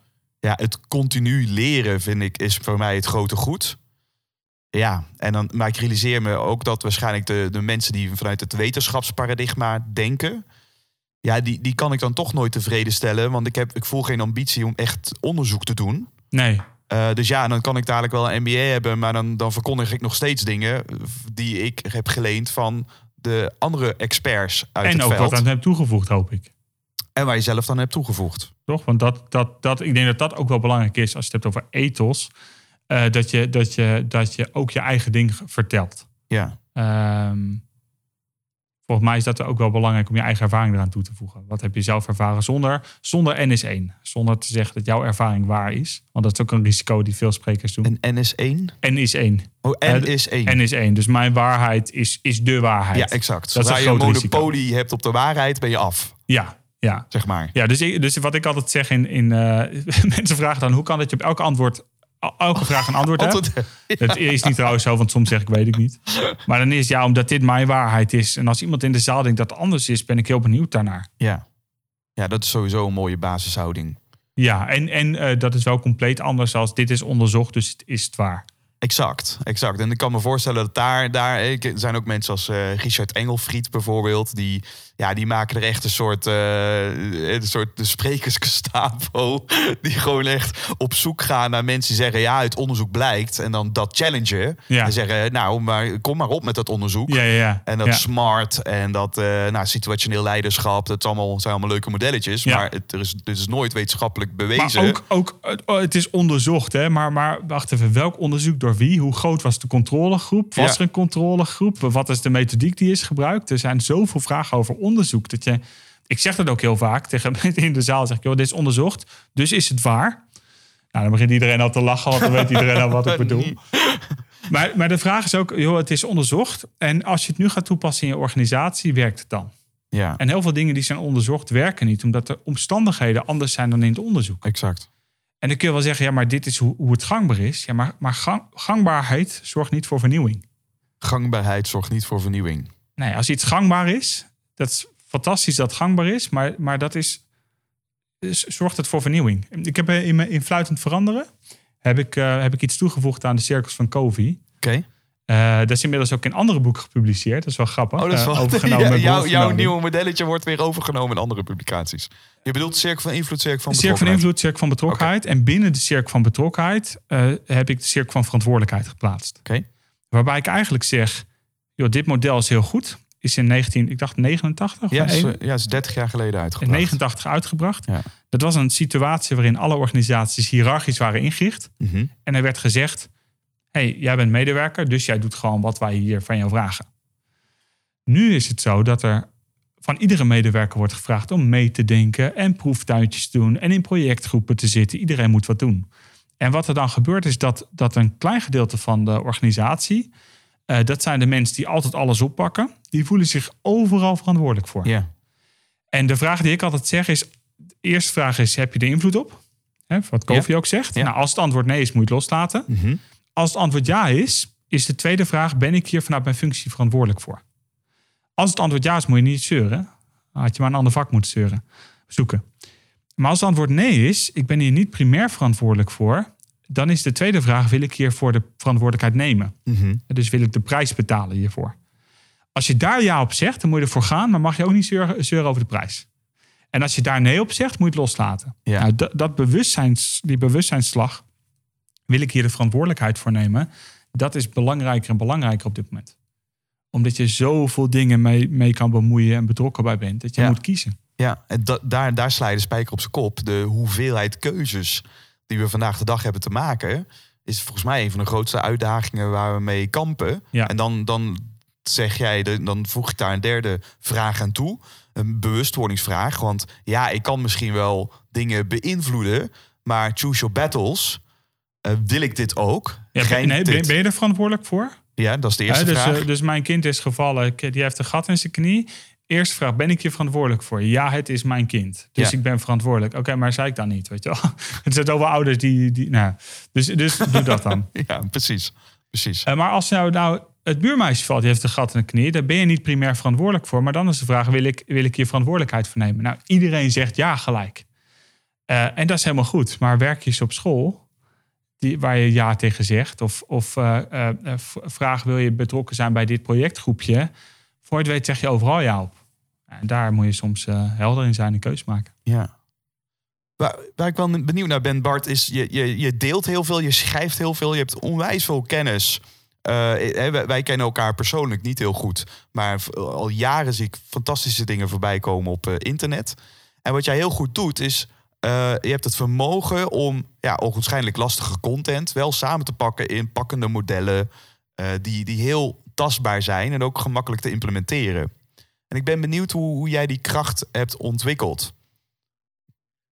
Ehm, ja, En, en de, vraag, Ja. de vraag nu gekoppeld ook aan de cirkel van invloed, cirkel van betrokkenheid. Ik werk daar natuurlijk dagdagelijks mee. ja, En, en, en, en ik heb dan, ik, ik conformeer me haast aan het principe die daarachter zit. ja, En dan denk ik, nou, dit is het principe. En dat, daar kan ik in mijn voordeel gebruiken of in mijn nadeel. En dan is het prima. ja, En jij voelt dan ergens, nee, ik, ik wil hier iets aan toevoegen. ja. En ja. dat vind ik dan interessant. Dat, dat is een verschil. Wat, wat, Ja, omdat ik, ik ben dus ik ben een man van de praktijk. Dus ik zeg, joh, werkt het ja of nee? En als het niet werkt, moet ik er iets aan toevoegen. En weet je, dus het werkt. En er is een hele groep waar dit zo goed voor werkt dat ze alles oppakken. Dus Ja. wat kan ik hier aan toevoegen? Ja. Ehm, als je dingen simpel wil maken, moet je het wel echt snappen. Mhm. Dat is denk ik, eh, dat is denk ik wat het belangrijkste is. En de, eh, ehm, eh, de reden dat ik dingen snap is niet, niet wat mijn credibility geeft, is niet omdat ik dit soort video's maak. Of omdat ik heel, heel, heel veel heb gelezen. Of heel veel trainingen over de hele wereld heb gevolgd. Wat me credible maakt, is dat ik het zelf heb gedaan in mijn leven. Eh 20 kilo afvallen. Eh, van 17 eh, depressief ongelukkig geen vrienden naar een, een vriendengroep en 13 jaar gelukkig getrouwd. Van geen bedrijf van de grond kunnen krijgen naar twee keer een bedrijf verkocht en een bedrijf wat staat. Eh, dus, dus ik heb het zelf ervaren. En vervolgens zoek ik mentale handvatten om wat ik heb ervaren te kunnen uitleggen aan anderen. Mhm. Nou, dat, dat is zeg maar. en ik denk niet dat ik origineel ben. Ik denk dat ik nooit iets echt origineels heb gevonden. Omdat alles gebaseerd is op wat anderen al hebben uitgevonden. Ja. Dus ja, en, en ik heb het geluk dat ik dan goed ben in dat verpakken naar nu en dat heel praktisch maken. Precies. Is dat ook een kracht van de spreker, denk je? Dat spreker, je hebt de uitvinders, eh, zie ik nu voor me. Mensen die echt eh, ja, de onderzoek plegen, zijn soms vaak niet heel inspirerend. En je hebt mensen, daar reken ik jou ook onder, die ja, eigenlijk dat hele veld verkennen. En dat, eh, ik, ik moet nu ook denken aan Steal, Steal Like an Artist. Prachtig boekje. Wat korte metten maakt met de overtuiging om origineel te moeten zijn. Nee, ga, ga, het implementeren, zoals je dat zegt. Word, word je eigen proefpersoon. En ga vervolgens mensen helpen met de ontdekkingen die je daarbinnen hebt gedaan. ja, maar dat is denk ik ook de hele revolutie die gaande is sinds het ontstaan van de boekdrukkunst. En nu de derde industriële revolutie waar we in zitten, dat is de, de, de, eh, de, de, het internet. De, de gedachte dat eh, de autocratie, of hoe noem je dat? De, de, de geleerden, de Mhm. politiek, de, dat dat de mensen zijn die de kennis hebben. Die gedachte is langzaam overboord gegaan. En nu denk ik dat iedereen een stem heeft en iedereen heeft een ervaring en iedereen kan mensen beïnvloeden Ja. en een verschil maken. En dat is volgens mij wat iedereen mag doen. Alleen, en, nu- en dan wordt het spannend, er is een hele grote groep mensen die er geen verstand van hebben en doen alsof. En als je dan twee, drie, vier gesprekken met ze hebt en doorpraat, dan kom je erachter dat ze eigenlijk geen verstand van hebben. En dat is wel een lastige in de markt, hoe je die daar het kaf van het koren gaat scheiden. Zeg maar. Mm. Want dat was ik ook benieuwd naar. We hadden net even een gesprekje vooraf. En daar zei jij natuurlijk van, joh, ik, ik zie dan dat, dat er, er is al iets helemaal uitgediept. En dan heb ik het gevoel, ik hoef daar niet nog een keer te vertellen. Eh, nou, dat gevoel heb ik ook wel eens, maar toch vertel ik het dan nog een keer op een andere manier. Ja. Wat, wat houd jij dan tegen? Want ik denk dat heel veel van je luisteraars dit ook herkennen. Van ja, maar er is al zoveel over gepubliceerd, er is al zoveel over verteld. Wat Ja. houd je tegen om dan toch daar iets van te gaan maken? Dat is een hele goede vraag. En, dat, en, dat, en dat, als je dat rationeel gaat beantwoorden, dan kan ik geen logische argumenten verzinnen. Dus het is dus meer gevoelsmatig, in mijn geval. En wat misschien, hè, dus nu met, de- met de, deze podcast is een mooi, is gewoon een, ik was- aan het zoeken naar een vorm. En, en eh, we hadden het altijd over boeken schrijven. En ik merkte gewoon dat het schrijven aan zich was gewoon niet de vorm waar ik energie van kreeg Ja, gesprekken voeren met mensen vind ik super inspirerend. ja, Dus ineens was ik heel blij met deze vorm. Want dat stelt mij in staat om zowel te delen als wel energie ook te ontvangen. Ja. En die balans vind ik super belangrijk. En nu, eh, en nu eh, laat je al die interviews uitschrijven door een tekstschrijver. Ga je een boekje uitbrengen, het heet Over Spreken gesproken. Ja. En daar komen alle interviews met de samenvatting in. Exact. Heb je een boekje. Exact. Ja. Ja. en dat, dat zijn dus ideeën die nu voor, voor de komende... Ja, ja, oh. Oh, Of een online academy waarbij de grootste argument is... het duurt wel lang. Ja. En dat kan ik ook voorstellen. De meeste podcasts duren anderhalf uur. Dus ik ga alles destilleren, maak er Lego-blokjes van. Komt in een online academy. Ja. Waar mensen op onderwerp eigenlijk meteen de, eh, de onderwerpjes kunnen eh, zoeken... die voor hen toepasbaar of, of interessant zijn. Ja, en alleen dan, eh, dan, dan kost het je een kleine bijdrage. Weet je wat Mind Valley en Mentorbox hebben gedaan? Ja, bijvoorbeeld. Ja, Ja, ja. Ehm, dus ja, dit, misschien is dat het wel. Het is gewoon het onderzoek naar de vorm. En als, als ik dus iets heb gelezen wat mij heeft geïnspireerd, dan voel ik dus, ja, dan denk ik, dan deel ik dat. Weet je wel, dan deel ik dingen over Stephen Covey, dan deel ik dingen van Simon Sinek. Dan zeg ik ook, eh Bronnie Ware komt met, en dan, weet je, dan noem ik gewoon Ja. naam en toenaam. En dan voel ik dus ergens, ja, misschien niet de behoefte om daar dan aan te sleutelen. Oh, maar de- ik denk dat dat sowieso belangrijk is. Hè? Dus geef credits aan de mensen die credits moeten krijgen. Eh, Isaac Newton zei dat zo mooi. We're standing on the shoulders of giants. Exact. Nee, sorry, Ja. Einstein zei dat. En daarmee refereerde hij naar, naar eh, Isaac Newton. Alright. Ehm, en hij vertelt dan eigenlijk dat mijn relativiteitstheorie had er niet geweest zonder dat Isaac Newton zijn theorie had. Mhm. En dat is, maar, maar ik denk dat dat het mooie is van, van de schepping. Wij, wij zijn allemaal gemaakt als mensen die creëren, als creators. En je kan niks uit het niks creëren. Alles kun je alleen maar creëren uit wat er al bestaat. Mhm. Je kan niks uit het niks trekken, zeg maar. Ehm, ja, dus als je dat kan doen, dat is gewoon gaaf. En dan moet je dan, ja, dan, moet je dan ook gewoon doen. Precies. Mooi. Bart, wat ik heel graag zou eh, willen weten, of waar ik wel nieuwsgierig naar ben, is hoe jouw achtergrond, en misschien is dat ook wel meteen voor de luisteraar die, ja, die jou persoonlijk nog helemaal niet kent, en fijn om te weten wat toch een beetje jouw persoonlijke reis is geweest naar dit punt. Laten we daar beginnen en dan kom ik daarna wel met, eh, met, met mijn vraag. Oké. Dus je wat, Dat ik iets vertel hoe ik hier ben terechtgekomen. ja, hoe je hier terecht bent gekomen. Ja. Ja. Zeker ook omdat je net al vertelde over je achtergrond. Nu hoef je de problemen, wat mij betreft, niet heel erg uit te diepen. Maar je hebt een hele andere. Je het primair was, had je een hele andere richting dan Ja. dat wat je nu doet. Ik, als ik in onderwijs spreek, dan begin ik altijd mijn lezing met... eh, ik was zo'n leerling waarvan je nu, die je nu in de klas hebt... waarvan je denkt, dit gaat niks worden. Daar begin ik altijd mee. Ik was, eh, ik was echt zo'n leerling die heel druk was. Altijd ehm, buiten de klas stond. Ik zat op basisonderwijs. En op een gegeven moment, dat werkte echt niet. Toen ben ik naar Jeneplan gegaan. En daar mocht ik experimenteren. Dat was een stuk beter. Nou, ik ben in de eerste 18 jaar van mijn leven 12 keer verhuisd. Ik heb twee pleeggezinnen gezeten. Ben op mijn 17 op mezelf gaan wonen. En toen ik 15 was, werd ik met een wit busje opgehaald eh, thuis met een taxibusje om naar speciaal onderwijs te gaan in Zwolle. Van mijn 13e tot mijn, eh, tot mijn 16e, zeg maar. Weet je. Als mijn MAVO. En dat kwam omdat we erachter kwamen dat mijn moeder borderline had. Mm. Dus ik ben opgegroeid bij een moeder met eh, psychiatrische problematiek. Gaat heel goed met haar. Ik hou ook heel veel van haar. Ik heb een goede, goede relatie met haar nu. Ehm, maar dat was best wel ja, heel lastig toen. Nou, toen ik 15 was, ben ik in mijn laatste pleeggezin terechtgekomen. En op mijn 17e was gewoon het moment dat ik op mezelf ging wonen. Dus toen ben ik op mezelf gaan wonen onder begeleiding van jeugdzorg. En ik had het geluk dat ik eh, kon goochelen. Mhm. Ik vond dat heel erg leuk. Had ik geleerd van mijn eh, neefje. Op mijn tiende had ik mijn eerste optreden op de verjaardag van mijn zusje. En ehm, ja, to- toen, toen op mijn 17 had ik mijn eerste betaalde optreden als goochelaar. En dat is eigenlijk gegroeid en gegroeid en gegroeid. Tot ik op mijn 21ste trouwde met de liefde van mijn leven, Sanne. En toen dacht ik, ja, dit wil ik fulltime doen. Ik wil fulltime bezig zijn met mensen vermaken en entertainen. En eh, dit is... Nou, het probleem is toen, mijn vrouw had een goede baan eh, en kwam met geld in ons huwelijk. En ik kwam met een schuld en geen baan in ons huwelijk. Dus dat was een beetje... Maar wel een, wel een blije goochelaar. Maar wel een blije goochelaar. ja. blije goochelaar. En, eh, Goochel is wat euro's dan. ja, ja, dat ja. ja. Goochel mijn glas is vol. Ja, allemaal dat soort flauwe. Dus op een gegeven moment toen dacht ik, ik moet hier wat mee. Toen ben ik gaan eh bijbaans gaan doen, McDonald's gaan werken. Nou, daar vroegen ze na een paar weken of ik manager wilde worden. Dat wilde ik niet. Toen ben ik bij een bowlingcentrum gaan werken. En, en na drie weken gaf ik mijn, mijn manager wat tips hoe hij beter leiding kon geven. dat was ook de laatste avond dat ik daar werkte. Ja. En, eh, en iedereen zei, wat goed dat eindelijk iemand het zei, behalve hij natuurlijk. Nou ja, en toen dacht ik, nu moet ik er wat van maken. Ja. En fulltime aan de slag gegaan. En binnen een jaar had ik zoveel opdrachten dat ik gewoon... Ja, ik kon er gewoon goed van leven, zeg maar. Van het goochelvak.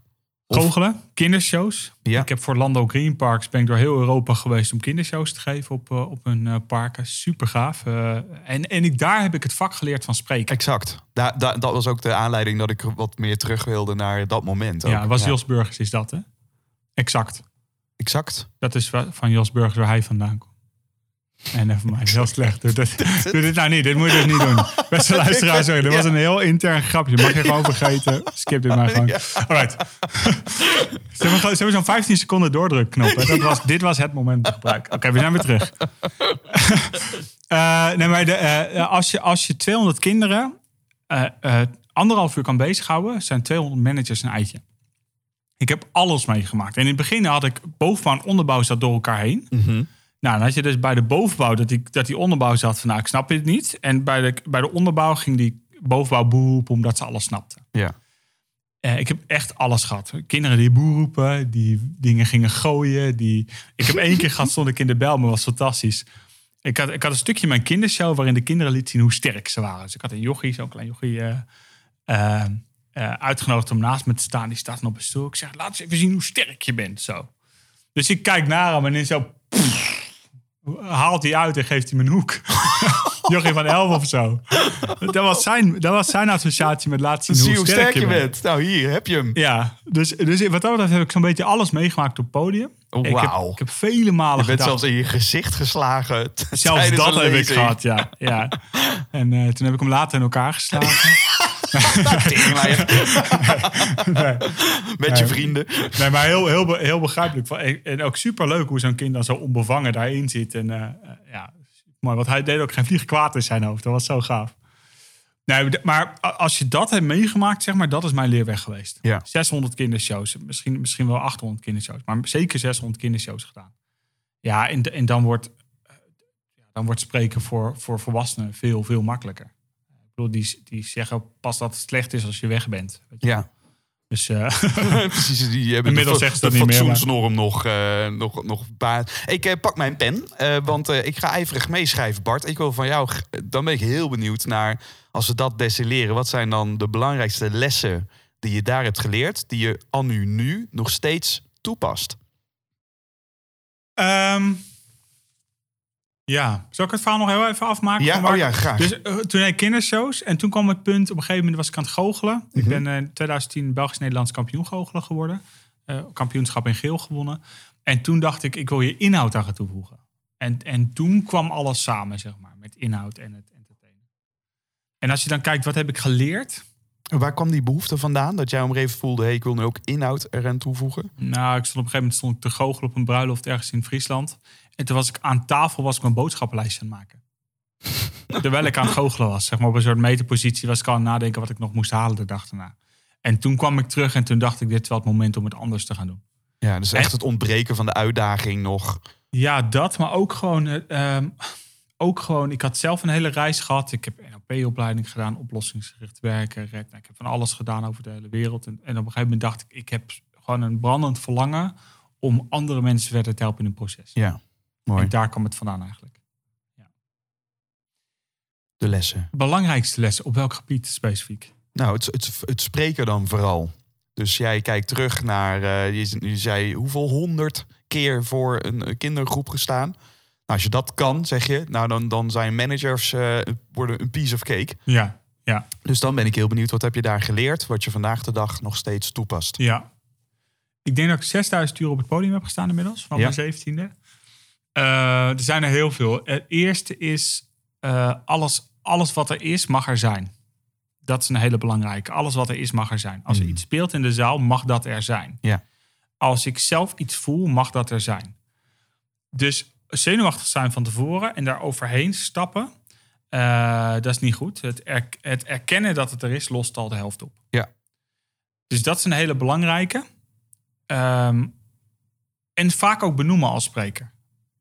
Als ik, als ik in een rijtje sta met allerlei hoogleraren, dat gebeurt regelmatig. Of een keer Ernst en Jonge, Jan-Peter Balken en er was daar ook. En dan, dan denk ik, ja, wat moet ik hier nou vertellen, weet je wel? Eh, maar dat benoemen en daar luchtig mee omgaan, dat geeft eh, ook het publiek de vrijheid dat, het, dat ook hun gedachten er mogen zijn. Mhm, mooi. Dus eh, dat alles mag er zijn. Twee is neem jezelf niet serieus. Want als je jezelf serieus neemt, wordt, wordt de lat te hoog en daarmee wordt het moeilijk voor jezelf. Dus, ehm, eh, maar, maar, dus neem jezelf niet serieus, maar je publiek wel. Oké. Dat is een belangrijke, want, want zij zitten daar en, en jij bent daar in dienst van hun. Dus je moet echt kijken, wat kan ik hun brengen? Derde is, wees echt goed voorbereid. Dat zegt iedereen, maar dat is echt wel waar. Zorg dat je voorbereid bent. Eh, prepare the room. Weet waar je staat. Ja. Weet dat de techniek werkt. Driedubbel check de techniek. Zorg dat, het, dat de zaal klopt. Eh, En wat je kan beïnvloeden, moet je beïnvloeden. Ehm, vierde is ehm ken hun pijn en hun verlangen. Hebben we het al kort over gehad. Ja. Je al weet wat ze raakt. En weet ook waar, waar zij naar verlangen op dit moment. En een vijfde is laat je coachen. En jij bent eh, regisseur van sprekers. Huur iemand in als jou die met je meekijkt. En die je ook feedback kan geven waar je kan verbeteren. Dus dan neem je, neem, je serie- neem je vak serieus. Zie het als vak echt. En heel veel sprekers, zeker als ze half spreken, half iets anders doen, Ja. zien dit als iets wat ze erbij doen. Maar je kan nooit een goede spreker worden als je dit niet serieus neemt. Ja. Dus neem het echt serieus. En de, de, en ik kan me, hè, dus als ik had, ik, het is logisch dat ik zeg, ja, ik ben het daarmee eens, maar dan is het eh, wc eend, eh, doet wc eend. Ja. Dus ik speel even bewust advocaat van de duivel. Eh, ik kan denken, ja, ik, kan het, ik neem het vak heel serieus, maar dan hoef ik toch. wa- wa- wat is dan het belang van een coach? Ik zie die twee dingen los. Zeg als maar. je denkt dat je heel slecht bent, kan hij zeggen je bent best wel goed. En als Mhm. je denkt dat je heel goed bent, kan hij zeggen je bent best wel slecht. Oké, En dat helpt enorm. dus die eerste in beide kanten om te facetten rela- relativeren. die jij noemde, jezelf niet te serieus nemen, maar het publiek wel. Ja. Eh, de, daar, daar helpt een coach heel goed bij. Ja, ja, maar ook praktisch, weet je wel. Podiumgebruik, hè. Eh, de diepte van het podium. Is dit een drievlaksverdeling of een zesvlaksverdeling? Een stemdynamiek. Dat, dat merk ik. Ik ben nu be- niet bewust bezig, maar daar word ik nu heel erg op gecoacht. Ik heb relatief vlakke stemdynamiek. Mhm. In mijn podcast, daar denk ik nu niet aan. Normaal gesproken zou ik hierop bewust zijn.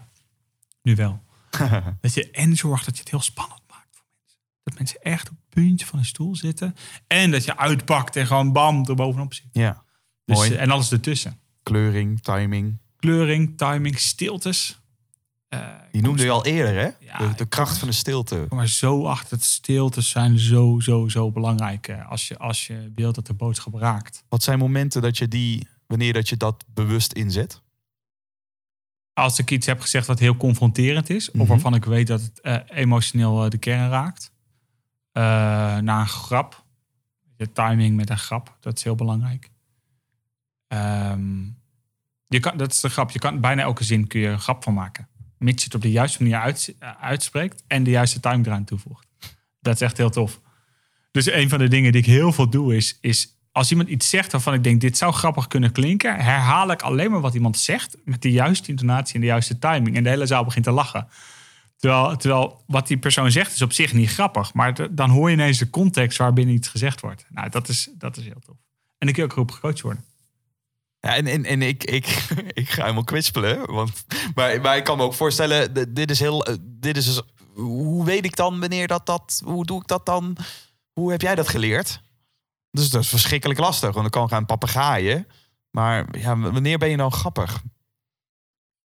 Hoe creëer ik daar een vingerspitsgevoel Nou, voor? er zijn een aantal dingen als je kijkt naar de grap. Ja, een van de dingen is, een grap komt altijd met z'n drieën. Dus de tempo van een grap is 1, 2 grap. Ja. Of 5, 1, 2, 3, 4 grap. Om, eh, om de golf van de, van de lach te creëren. Ja, ja, dus dat is een belangrijk. is meer een technisch dingetje. Ehm, het is ook aanvoelen waar de, waar de groep zit. Hè? Want de groep Mhm. zit niet altijd op een plek waar ze willen lachen. Maar er zijn ook momenten in je lezing dat mensen behoefte hebben om te lachen. Mhm. Nou, dan moet je dat moment aangrijpen om ze die lach te gunnen. En niet eh, zelf op je paard blijven zitten omdat je per se je slide wil afronden. Of, of je, je, je flip-over wil afronden.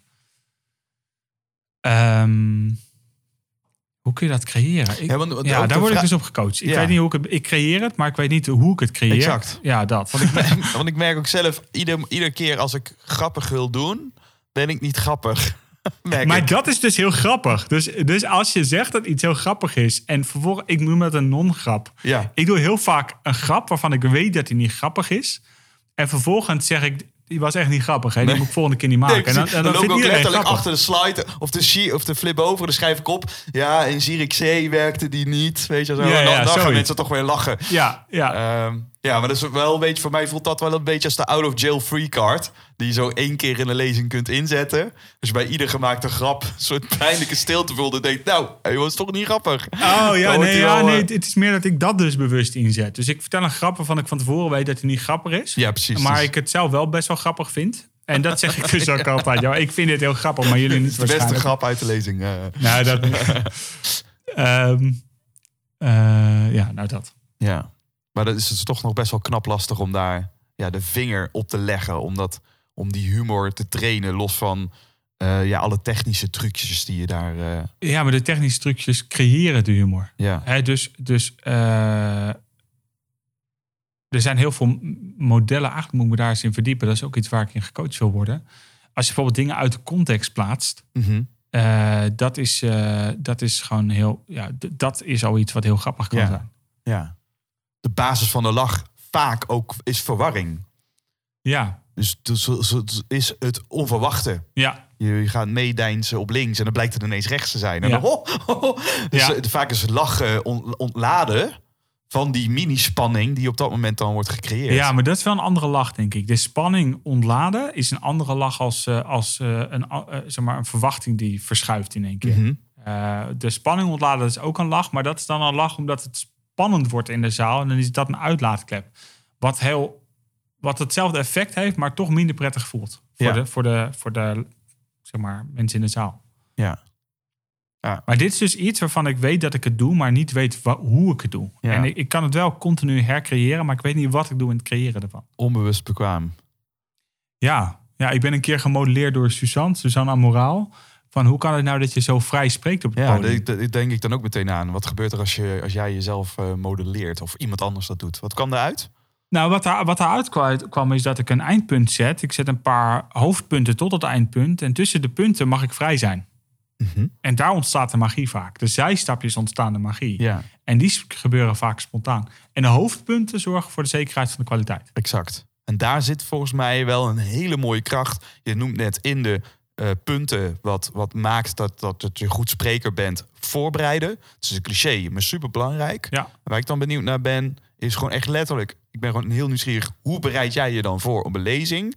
Gekoppeld ook om dan daarna die voorbereiding weer los te kunnen laten. ja. Om te kunnen gaan spelen op dat podium. Ja, nou, de, de- ik heb twee soorten lezingen. Dus ik heb de, de fluitend veranderen, waagdesprong, eh inspirerend leiderschap. Ik heb Zijn- een aantal lezingen die zijn vast. Zijn letterlijk gekoppeld aan de boeken die je geschreven hebt. Ja. eh, en daarop een lezing gebaseerd. Ja, ja, dat zijn de, de lezingen waar je tien jaar mee door kan gaan en nog Mhm. steeds geboekt wordt. En, en eh, omdat je al 100% succesgarantie hebt daarmee. Ehm, Dat is ook letterlijk echt de- iedere keer als, als mensen zo'n lezing willen hebben. Zeg je ook in de voorbespreking. Dit is gewoon kant-en-klaar pakket. ja en nee, want waar je daar voorbereidt is welke taal gebruiken mensen. Als je in de zorg zit, eh eh resultaatverantwoordelijke teams of zelfsturende teams, is twee verschillende belevingen. Dus ik moet weten welke taal gebruiken zij. Als ik naar software refereer, wil ik weten welke software zij gebruiken. Als ik naar, dus, ik, dus daar doe ik heel veel taal van, van de luisteraars. Van de mensen die in de zaal zitten. Ehm, dus dat is daar heel belangrijk. Op het moment dat ik een, een laissez-faire lezing voor, voorbereid. Dus een, een lezing die ik gewoon uit mijn hoofd doe. En gewoon begin en kijk waar het eindigt. Wat Mhm. echt het gaafste is vaak. Want dan kom je heel, heel, raak je heel, heel, ja, raak je heel ver met mensen. Ehm, dan zeg ik, wat is het einddoel van deze lezing? En wat hebben we nodig om dat einddoel te bereiken? En dan bereid ik 1, 2, 3 persoonlijke verhalen voor. Of 1, 2, 3 modelletjes. Dat zijn mijn tussenpunten. En hoe ik dan van A naar B kom, dat laat ik los. Omdat ik vertrouw dat dat vanzelf gegeven wordt in het moment. Ja, en dat gebeurt dus ook altijd. En, Ja. ja. en, en dan zeg jij, eh, dat gebeurt dan ook. En hoe heb jij dan het vermogen gecreëerd om nou, te vertrouwen op dat dat gebeurt? Want ik kan me Eh, voorstellen, ja. als, ik, als ik luister naar de mensen die dat niet doen, dan is het dus het gebrek aan vertrouwen en de behoefte aan zekerheid. Ja, Dat mensen denken, ja, dat kan wel zo zijn. Maar dan prop ik toch nog even 30 slides ertussen, zodat die overgang ja dat ook helemaal destructief. strak staat. Ja, en dan hebben ze een, een lezing van 60 minuten, of een- ik noem het nooit een lezing, een inspiratiesessie van 60 minuten. En dan hebben ze 180 slides erin. Verschrikkelijk. Ehm, ja, dat is een goeie. Ervaring. Mhm. Ik heb gewoon heel, heel, heel veel op het podium gestaan in echt elke mogelijke situatie. Een lezing waar we 180 mensen verwachten, waar ineens maar acht mensen zaten, heb ik een keer meegemaakt bij een, bij een hogeschool ergens. Eh, maar ik heb ook een keer meegemaakt dat ik 80 mensen verwachtte en dat de organisatie vergeten was te communiceren dat het programma was gewijzigd. Dus dat er drie andere dingen waren uitgeschakeld en dat ik met 600 mensen in de zaal zat. Wat ook leuk is. Ja. Ehm, dus heel veel ervaring. En het tweede is, ik geloof ook dat ik niet alleen op het podium sta. Nou ja, zoals, je, zoals je weet, ik ben christen. Dus ik geloof ook dat ik eh, niet eh, alleen hoef te werken. Ik geloof dat eh, ook het, het pad wat ik te lopen heb in een lezing voor mij uitgelegd wordt. Mhm. Ik kan niet anders zeggen dan dat. Dat lijkt me een fijne overtuiging. Ja, Ja. ja. Ja, Ik ben dan, je noemt het, het zelf, je bent christen. Dus klopt dat dan? Want ik zeg je bent en dan identificeer je je met, met christen. ja maar- absoluut. ja, Ja, maar dat is dus wat, wat het is ook. ja. Hoe helpt het geloof jou nog meer eh, als professional? Nou, dat is dus wat betekent dan christen zijn. Hè? Dat is een volger zijn van Christus. Ja. Hè? Dus eh, de kernwaard leven die hij leefde. En ehm, eh, daar, daarin helpt het mij. Als je het hebt over ethos. ik, ben, ik ga van nature, van nature echt alle kanten op. Ik kan van nature ook soms best wel... nou, ik denk dat mijn vrouw dat zal ontkennen. Maar ik vind mezelf soms best wel bot, zeg maar. Ehm, omdat ik gewoon duidelijke keuzes maak. En er zijn een aantal kernwaarden die, heel, heel, eh, die Christus voorleefde, die ik ook wil leven. En die ik ook leef, zover ik kan. Mhm. Dus daarin helpt het me heel erg. Kernwaarden als eh, liefde, als eh, echtheid, als eenvoud, confrontatie. Dat zijn een aantal kernwaarden. Mooi. Dus dat helpt mij in mijn ethos. Ja, en je noemt nu voor de derde keer eh, eh, een paar termen waarvan ik me ook kan voorstellen dat de luisteraar graag wil weten wat dat precies betekent. Ja, En we refereren al een paar keer naar eigenlijk het oudste boek over spreken ooit, ges- ooit geschreven, Ja. zou je kunnen zeggen. ja. Eh, Rhetoric. Van Aristoteles. Aristoteles. Ja, en hij omschrijft daar drie pilaren. Dus, dus even, kom zo meteen terug op de inhoud wat je zegt. Maar dan laten we die ook meteen even dan benoemen. ja. Ethos, ethiek. Eh, geloof ik deze persoon? Is dit congruent met wie hij is? Heeft hij een track record? En klopt dit ook? Ja, dus die autoriteit waar we het al over hadden, toch? Ja, Onder andere. Ja, ja. En dan is logos is het doel. Hè? Is dit ook doelgericht? Is dit het? eh, corrigeer me als ik het verkeerd heb, hoor. Maar eh, is dit eh, ook? ehm, eh, begrijp ik waar hij naartoe wil? En ehm, nou, zit er ook een doelmatigheid in? Ja, dus die pain or gain, hebben we het al vaak over gehad. Zit er een urgentie Ja, op dit moment om, om naar hem te luisteren? ja. En pathos is dan in hoeverre is deze persoon vermogend om verbinding te maken met mij als luisteraar? En ehm, ervaar ik een soort ja, een verbinding, relatie. En ook een stukje vaardigheid zit erin. In hoeverre is deze persoon vaardig om de boodschap goed over te brengen? Ja. Zeg ik het zo goed? Ja, volgens mij wel, in essentie. Dus een hele mooie, een hele mooi drieluik. Ja. eh, waarvan ik ook weer van mijn stoel viel. God, dat wisten die eh, mensen al heel veel. Ja, Al heel veel jaren geleden. ja, Interessant eh, boek. Dus, resume, wat jij net zei over jou. Ja, voor jou is het een, een waarde hiërarchie. Wat jou helpt in de keuzes die jij dagdagelijks hebt te maken. vanuit mijn christen zijn Ja. bedoel je? Ja, ja. En ook het gevoel, ik heb, mijn hele, ik heb best wel veel shit meegemaakt natuurlijk. En ik heb altijd het gevoel gehad, ik ben niet alleen. Ehm, en het, het, heeft mij, het helpt mij heel her- erg om te weten dat ik er niet alleen voor sta. En, eh, en dat mijn leven geleid wordt. Hè. In, in, eh, eh, Lao Tzu zegt dan zo mooi, laat de weg zichzelf ontvouwen. In in Spreuken staat, ik dacht Spreuken 19 vers 6, maar dat weet ik niet zeker. Daar staat, eh, de mens stippelt zijn weg uit, God bepaalt zijn richting. Ah, dat vind ik zo fijn, weet je, als co-creatie. Ja. Er is iemand die voor mij een bestemming heeft en nu is dan mijn taak om gewoon de volgende stappen uit te zetten. Ja. Nou, dat, dat vind ik heel fijn. Ben je gelovig opgevoed? Ja en nee. Ja, ik ben gelovig opgevoed. Als, in, eh, eh, als kind heb ik dat meegekregen. Eh, en op een gegeven moment ben ik zelf gaan zoeken naar wat is nou waar. En toen ik op mijn 17 in Thailand kwam, ik, ik heb me op mijn 15 laten dopen. Toen ik op mijn eh, 17 in Thailand kwam, toen is alles door elkaar geschud. En toen dacht ik, joh, waarom geloof ik hier nou in? Eh, met boeddhisten, boeddhistische monniken gaan praten in tempels in Thailand. En toen dacht ik, hoe kan het dat ik hierin geloof? Ja. En daar is eigenlijk weer een nieuwe zoektocht begonnen. Mhm. We gaan verdiepen in de islam en in het boeddhisme, en in hindoeïsme, en taoïsme en in het christendom. Eh, van, joh, maar wat is, nou, wat is nou waar en wat is niet waar? En op basis van wat weten we dat het waar is? Nou ja, en zo ben, ik, eh, zo ben ik teruggekomen bij mijn oorspronkelijke roots. Wacht, dat, dit is het toch wat het voor mij moet zijn. Ja, Ja. Dus, het is wel, dus eigenlijk de, de overtuiging zelf werd groter pas op veel latere leeftijd. Ehm, als je kijkt naar eh, verandering, dan zijn er verschillende niveaus om gedrag te veranderen. Ik maak even een brugje naar gedragsverandering, omdat Ja. ik daarmee het beste kan uitleggen. Er zijn heel veel modellen voor gedragsverandering. Ik gebruik de, de Peterson-model? Bateson en Ja. Deels, want dat vind ik het meest praktisch, Ja, mooi neurologische niveaus. model.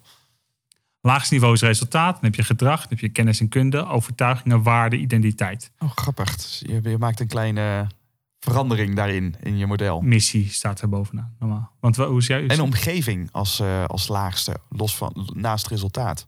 Oh, excuus, ja, ja, ja. Ja, dat klopt, ja. Dus het veranderen van omgeving is de meest gemakkelijke manier om, eh, ja, om iets anders te ervaren. Want dan hoef ik mezelf niet te veranderen. Ik stop mezelf gewoon in een andere omgeving. Ja, Mensen die heel veel van job wisselen. ja. Nou, dat kan, een, eh, eh, dat kan fijn zijn. Maar als je bij de zesde job komt en je geeft nog steeds je manager je schuld. ja. Ja, dan wordt het toch wel interessant om eens een keer op een hoger niveau te gaan. Ik zet ze vaak allebei erbij, omdat resultaat, omdat result, dus, dus eigenlijk zou je kunnen zeggen, omgeving is input en resultaat is output. Ja. Dus dus eh, beide zijn volgens mij Ja, belangrijk. en het resultaat is een goede check. Zit op de goede route. Ja, Los van eh, de hiërarchie. ja, en hoe hoog je in de hiërarchie komt, hoe groter de verandering is. Ja. Dus op het moment dat iemand op identiteitsniveau verschuift, eh, verschuift alles eronder. Nou, dat is wat er gebeurt bij mij toen ik me liet dopen. En toen ik zei, maar mijn identiteit is, ik ben niet een, een, een moeilijk joch wat veel shit heeft meegemaakt, wat moeilijk is, wat iedereen zei. Nee, mijn, mijn identiteit is iets anders. Ik ben christen. Ik ben eh, christen, ik ben een kind van God, ik ben geliefd. Ja. Ehm, eh, daar verschoof iets. Ja. En, en ja, dat, dat heeft. Ik, ik durf te zeggen, als ik die identiteitsverandering niet had gemaakt, had ik hier nu niet gezeten. Ja? Dan had ik met eh, echt verkeerde vrienden verkeerde weg opgegaan. Dus voor mij is die identiteitsverandering heel belangrijk geweest. En daarmee kan ik ook heel goed voorstellen dat dus in, in jouw context, ja, de, dit jou zo geholpen heeft. Eh, nog, nogal wie dus. Eh, als, je het, ah, als je zegt, ik, ik ben, wat zei je, ik ben een rotkind. Ik, Als je ik, dat zegt als kind ja, en je gelooft dat, dat, dat geloofde je dat jij, hebt toch? gekre- Ik meegekregen. voldoe niet. Als je, ja, ja, klopt ja. Ja, dat heb ik een hele tijd geloofd Ja. als kind. Ja, Ja, en, en, en nogal wie dus dan dat als je dat weet te veranderen. En het klinkt, hè, het klinkt dan, ik wil het niet eh bagatelliseren, Mhm. het integendeel. Maar dan, ehm, ik probeer het oordeel weg te nemen van ja, de overtuiging om, eh, om, om christen te zijn. oh, daar zit een oordeel op. Wat zeg je? Nee, grapje. Ja. Dat is de beste. nou ja, nee, ja ehm, eh, wat Daar ben ik zelf zie- ook wel kritisch naar. V- Ik ben er kritisch naar in de zin van ehm, dat dat twee, de, de, de, dus ik vind de discussie of er God bestaat of niet, vind ik de minst interessante discussie. Maar daar gaat het wel heel vaak over. En wat ik interessanter vind, is dan daar dat onderscheidt ons van de doeners of de wetenschappers, is dat ik benieuwd ben, wat brengt het mensen? Hmm. En eh, wat ik heel mooi vind. Oh, maar dat is, eh, wel, dat is wel een interessante, ja. Want als je die discussie niet aangaat, dan, dan, eh, dan, wordt, het, ehm, eh, dan wordt het iets op basis van alleen iemands wereldbeeld, wat cultuur bepaald is. mhm. Eh, en zeg je, mensen geloven dat omdat ze bevestigd zien wat ze in hun cultuur hebben meegekregen. Hmm, ik weet niet of, hem, Nee. of, of die hem daar raakt. Maar dit, dit zou kunnen. Hè? Dus voor sommige mensen is dat waar. Ik, ben, ik, ben, ik geloof gewoon in de vrijheid van keuze. Dus ik geloof in dat, ja, dat mensen kunnen kiezen Ja, om te geloven. Ik geloof ook dat mensen kunnen kiezen om niet te geloven. zeker. Net zoals heel veel mensen dat niet doen. Maar, de- maar de zoektocht eh, eh, achter wat ik geloof is wel een zoektocht naar waarheid geweest. En dat is wat, waar het christendom eh, ook tegen, bij veel mensen tegen de borst stuit. Maar Ja. de islam en het boeddhisme, en die stuiten alle, tegen heel veel mensen bij de borst, Ja. allemaal. Omdat het zegt, er is een waarheid. Ja, En het postmoderne denken, wat pas sinds de jaren tachtig oud is, zegt heel erg, er is geen waarheid anders dan de waarheid die je zelf bent. exact. Kofi zei dat zelfs, de we- wereld is zoals je zelf van binnen bent. Ja, Maar de vraag is in welke context beschreef hij dat? als gelovige. Als mormoon Ja. zijn ja. ja dus, dus dat, is een, dat is een hele interessante... Ja. En hij heeft het in de context waarin hij dat beschrijft... gaat over emoties. Mhm. Dus, dus eh, we worden gestuurd door emoties. En maar wacht even, mijn emoties zijn een reflectie van deze wereld. Ja, En dat is wat hij bedoelde met de wereld is zoals ik zelf van binnen ben. Daarmee bedoelde hij niet mijn waarheid is de waarheid. wat, wat eh, eh, postmodern denken is. En wat vind je daarvan? Ik denk dat dit het grootste probleem is voor mensen tot 40 jaar. Mensen die vanaf nou, ja, zo 85, 90 zijn geboren. Ik ben uit 84. Eh, een van de grootste moeilijkheden op dit moment is dat jouw wereld de waarheid is. En, en, en dus zie ik hordes jongeren, jongeren 20, 25, 30. Ik ben zelf ook nog een jongere, maar Ehm, ik zie hordes mensen die in de knoop zitten met zichzelf en zo op zoek zijn naar iemand die ze houvast kan geven. Want, want wie kan mij helpen om, om een waarheid te bepalen? Als niks meer waarheid behalve. En daar gaat het missen. Als ik mijn hoogste autoriteit ben, ehm, dan wordt de wereld heel onveilig voor veel mensen. Ja. Ja, Want wie zegt dan dat wat jij gelooft waar is? ja. En wie zegt dan, en daarom is dat, dat ware noorden waar Kofi het over heeft ook zo belangrijk. Eh, er is iets, er- als je geen ware noorden hebt bepaald, ja, dan wordt het heel moeilijk om, eh, om, om keuzes te maken in je leven. Ja. Ja, en daarmee kan ik dus inderdaad heel goed voorstellen dat het ook ons ontspant. Wederom komt die ontspanning weer terug. Ja, als ik niet meer hoef te twijfelen, dan, dan kan ik me weer focussen op andere zaken. Los Ja. van de vraag. Ja, En de enorme vrijheid, maar het gebrek aan structuur, creëert dan ook wel weer chaos. Nu op dit moment, als ik, dat, als ik refereer naar wat je zegt. Namelijk, er, hè, er is geen vrijheid of geen. reali- nee, wat zeg ik? Er is geen waarheid meer, dat bedoel ik. als je zegt er is geen waarheid meer, dat is, dat is bijvoorbeeld, hè, je hebt NLP gedaan, Ja. hè, dus dan is, dan is een van de dingen die wordt gesteld, maar op basis van wat vind je dit dan goed of fout? Ja, Dat is gewoon normvervaging is dat. Hè, wij- wij- wij- ik bepaal zelf wel wat ik goed of fout vind. ja, Dit is waarom er zoveel. Dit, dit is waarom de economische crisis er is geweest. Eh, dat heeft echt te maken met bepalen wat goed en fout is. omdat iedereen daar een subjectieve betekenis aan gaf. ja, In zijn eigen voordeel, waarschijnlijk niet in het voordeel van het grotere geheel. of gewoon ge- onbewust gebaseerd op pijn of plezier. ja, Eh, en, en Kant zegt dan, en dat zie ik dus in, in, in christendom terug, maar laat ik het vanuit Kant bekijken, filosoof, die zegt er is een zedenwet, er is een morele wet die zegt die onderscheid maakt tussen goed en fout. Nou, dat beschrijft de Bijbel ook. Hè. De Bijbel is een tweesnijdend zwaard, hetzelfde verhaal. Die onderscheid tussen goed en fout. Dat betekent dus, er is geen grijs, er is goed of er is fout. En, dat, en dan wordt het heel spannend, Ja. want dan, dan, dan gaat iedereen zeggen, maar, maar, maar wat bepaalt dan wat goed of fout is? ja. En dan zegt Kant, en dat zegt de Bijbel ook, liefde. Liefde. Liefde is de scheidslijn tussen goed en fout. Wat, wat bepaalt goed of fout liefde? En, dat, en, dat, en dat, geeft, dat geeft mij dus heel veel vrijheid. En, en maakt dat dus praktisch. Nou, laat, laat ik het praktisch geven. Ik, ik geef sales training onder andere. Ja. Veel sales. En dan een van de dingen die ik, die ik vraag aan mensen... wat is nou het verschil tussen beïnvloeding en manipulatie? Mhm. En dan, zeg, dan zeggen ja, weten we niet, eh, ja, sales is manipulatie. Zeg, nee, nee. Technisch doe je dezelfde dingen. Ik kan, ik kan mensen manipuleren, ik kan mensen beïnvloeden in, in hun beste belang. Met dezelfde tools. Exact dezelfde tools, Ja. exact dezelfde strategie. Ik kan met een gestrekte been erin gaan om iemand echt verder te helpen.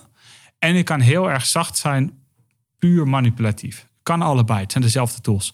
Het onderscheid is intentie tussen manipulatie en beïnvloeding. Dus wat is je intentie? En daar komt dan de morele wet, liefde. Ja. Doe je dit vanuit liefde of doe je dit eh, eh, vanuit ego en angst? Ja. Dus, dus nou dat. Denk je in overvloed, denk je in schaarste, denk je in. Dan komen, komen die, hè, denk je in, in je eigen, vanuit je eigen voordeel, ego zeg je heel mooi. Ja. En eh, als ik zeg er is geen grijs, ook dat is genuanceerd. Hè? Dus, Ja. dus ik zeg er is zwart en wit. Ehm, en er zijn dingen waar we niet over moeten oordelen.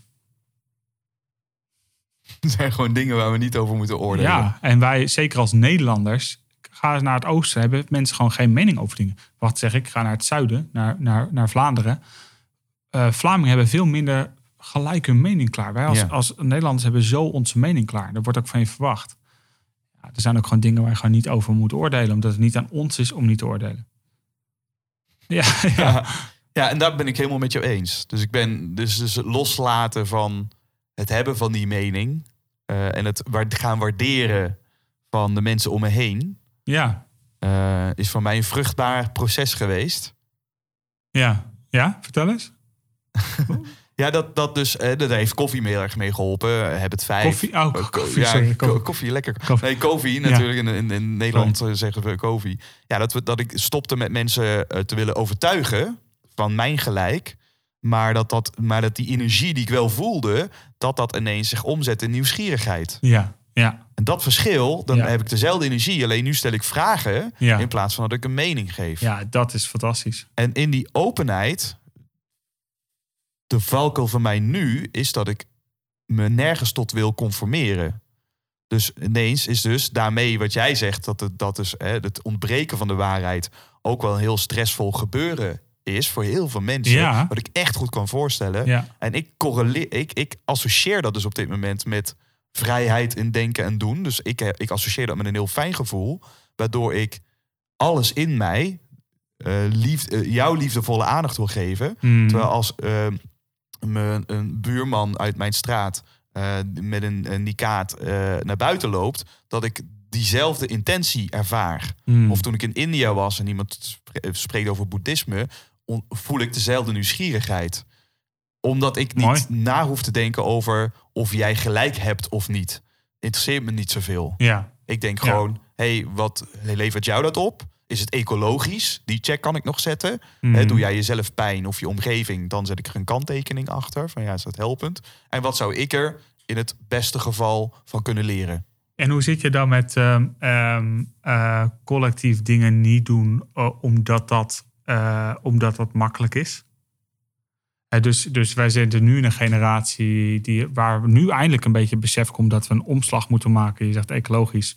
In dat we dingen niet meer gaan doen omdat ze destructief zijn voor onze, voor onze eh, hele, hele ja, samenleving. Hè? Ja. Ook kappen van bomen bijvoorbeeld.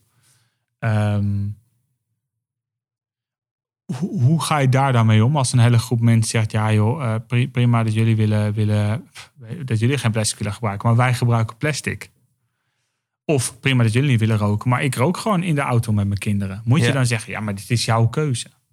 Ja, dat is een hele interessante vraag. Of moet je het, het gesprek aangaan, hè, Ja. zonder iemand te veroordelen? Ja, En dan zou je kunnen zeggen: het is, joh, ik, ik, ik vind dat je niet moet roken met kinderen in de auto. En ik wil dat heel graag onderbouwen. ja. En, en eh, joh, dit is jouw leven. Ik veroordeel jou niet. Ik veroordeel alleen dat je dat doet. Ja. Ja, en dan, en dan eh, los van de praktische kant van eh, waarom rookt iemand in de auto, dan denk ik, hé, hey, daar zit dus de- daar zit een verslaving achter. Dan denk ik weer, de verslaving is, is nooit de, een, een oorzaak. Er zit iets achter waarom dat iemand is gaan roken. Dat kan, kan heel veel verschillende redenen zijn geweest. Maar dan zie ik dus het ontwikkelen van, of het inspireren van andere mensen het als middel om dat ego die we allemaal met ons meedragen tot, tot rusten of bedaren te brengen. Omdat ik geloof dat als, als jij ja, echt leeft vanuit jouw kern, vanuit jouw vuur, Ja, ja, dan, dan, dan ben jij in staat om negatieve patronen om te keren naar, naar iets positiefs. het gevaar is alleen als je een negatieve patroon niet confronteert. Nou, als je niet confronteert, dan ga je conformeren. Ja. Dus het is of confronteren of conformeren. Eh, die moet ik even onthouden. Eh, maar, maar, maar, eh, en, en, en vaak wordt er gezegd, eh, vaak wordt er een beetje een bloedend doekje op het negatieve patroon gezet. Terwijl als je iets wil veranderen, dat vind ik zo mooi. Christus die zei op een gegeven moment niet, nee, alles is goed. Hij zegt, gaat heen en zondag niet meer, punt. Ik genees je, gaat heen en zondag niet meer. Ja, In plaats van, ik genees je en ja, nee, ik heb er ook begrip voor. Hè. Als ik kijk waar je vandaan komt, heb ik er ook begrip voor. Dus, dus zie maar wat je ermee doet. Het is jouw leven. Nou, hij zegt, ga heen en verander het. ja. Nou, dat is iets wat ik, wat ik, wat ik mis hedendaagse, bij hedendaagse leiders. daadkracht. Daad, nou, daadkracht, maar ook gewoon confrontatie op wat niet werkt. Ja. Of confrontatie op iets wat niet goed is. Ja, en, ik en daar ben ik het mee eens. Mits het gekoppeld is aan die pain or gain van die persoon zelf. Omdat ik van diepste geloof dat iemand niet echt wil roken. Of niemand echt. Als, als iemand niet. be- dus ik ben wel helemaal eens. Als mensen niet bewust zijn wat we met moeder natuur doen. Ja, dan doe ik ook maar een dotje. Sterker nog, als ik wel bewust ben, raak ik zo gefrustreerd dat ik ook de neiging heb mijn kop in het zand te steken. Eh, en niks te veranderen, omdat ik denk, ja, wie ben ik nou? Ik kan afval scheiden, ging naar India. Dan dacht ik, hier moet een gat in de ozonlaag zitten. Omdat ze gewoon alles in de fik steken op straat. Ja. Maar daarna, als dat dan weer ontspannen is, dan denk ik van, nou ja, Het, het- Ik begrijp het ook wel. ik begrijp het. Ja. De, de- India bedoel je? Ja, ja. Nee, ja, nee, ik, ik denk gewoon, het zit in mijn. Het, als ik de aarde belangrijk vind, vind ik dat belangrijk. Ja, vind ik wel belangrijk. Ja, dan is het aan mij om daar, om daar een stap in te zetten. Maar als je dan kijkt naar bijvoorbeeld al die sites die zeggen van eh, je tweede geheime relatie, ga naar website. Ja, Hè? second Zo, love. ja, ja, bijvoorbeeld. Ik wil, ik wil Ja. dus niet eens Dus we wel denk, single aangemeld, dan blijf ik uit problemen. ik wil er geen, eh, ik wil niet eens aandacht aan Dat mocht besteden. niet. Maar ik, ik vind dus, ik vind dus eh, je moet als maatschappij zeggen, er zijn dingen fout en er zijn dingen goed. Hè, het is fout als je gezin ruïneert omdat jij een kortstondige liefde wil hebben. Hoe effectief dat ook voor jou fijne gevoel is op dit moment. Dan ben je gewoon een lul. Dat. Maar dat mogen zeggen, dat mag al bijna niet meer. Want iedereen heeft recht op zijn eigen waarheid. Mhm. En ik denk dus dat er heel veel dingen kapot worden gemaakt... omdat we niet met, met elkaar een ware orde hebben gedefinieerd. Ja. Dus, oh, dus Kofi heeft heel erg over je ware orde definiëren... en daarna leven, prioriteiten daarop afstemmen... eh, je rollen bekijken vanuit dat ware orde, dat Ja. helemaal. Eh, als, als je niet met elkaar een ware orde definieert... gaat iedereen alle kanten op en dan krijg je gewoon anarchie. Mhm. En ik geloof dus heel erg dat wat er mist in organisaties is daadkrachtige leiders die, die eh, grenzen stellen. En dit is ook een beweging hoor, want eh, nou ja, dit is, dit is ook een, ik ben ook een, een kind van mijn, tijds, eh, Ja. van mijn tijdsgeest. Maar Tuurlijk. En dat, maar de, de- ik, ik kan me voorstellen dat we hier, als we dit afpellen... en sorry luisteraar voor dit Ja, sorry. filosofische debat... dat is ook wel leuk toch? Maar ik, ja, ik, vind, ik vind het heel interessant, omdat dat uiteindelijk wel raakt... wat ons i- i- i- eh, tot het diepste drijft. Eh, maar ik kan me ook voorstellen dat hier, als we dit afpellen... dat we, dat we daar dan een andere mening op, eh, op nahouden. Wat helemaal oké is, wat mij betreft. Eh, ja, sowieso ook. hè. ja. Ja. eh, maar wel interessant. Dus het, is, eh, en ik, het resoneert nog steeds. Alleen ik, ga hem nu kaderen. Eh, eh, ja, en ik ga hem nog eens even broeden op de vraag... bestaat er een collectief ware Noorden? ja.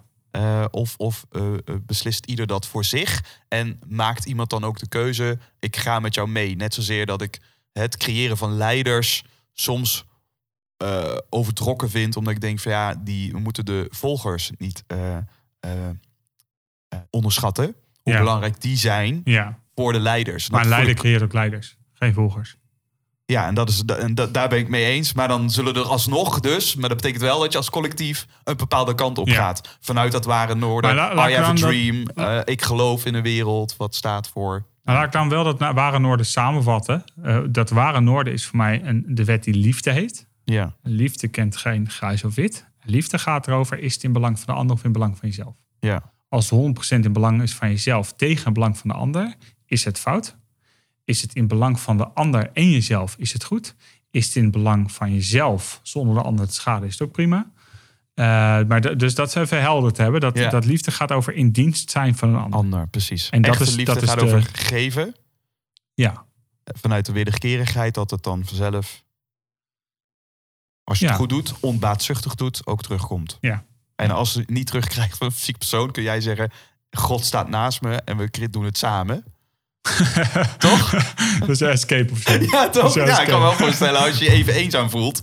dat het voor jou heel eh, fijn is om te zeggen... nee, ja, ik, ik ben nooit alleen Eh, daarin. Ja, ja, ja. Dan voel ik mezelf eenzaam. Maar ja, daar komt dat ik nooit alleen ben. Ja, precies. Alleen op het podium dan. We doen het samen, ook zeg je ook dan. samen. Ja, Ja. mooi man. Ja.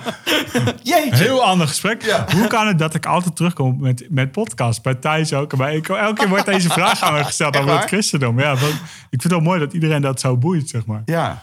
Ja, ik, denk, ik kan me ook voorstellen, juist in dit domein is het natuurlijk ook gewoon interessant. Omdat, eh, ja, om, omdat dat interessant is, omdat het zoveel bepalend is. Omdat die logische niveaus, en daar geloof ik ook in...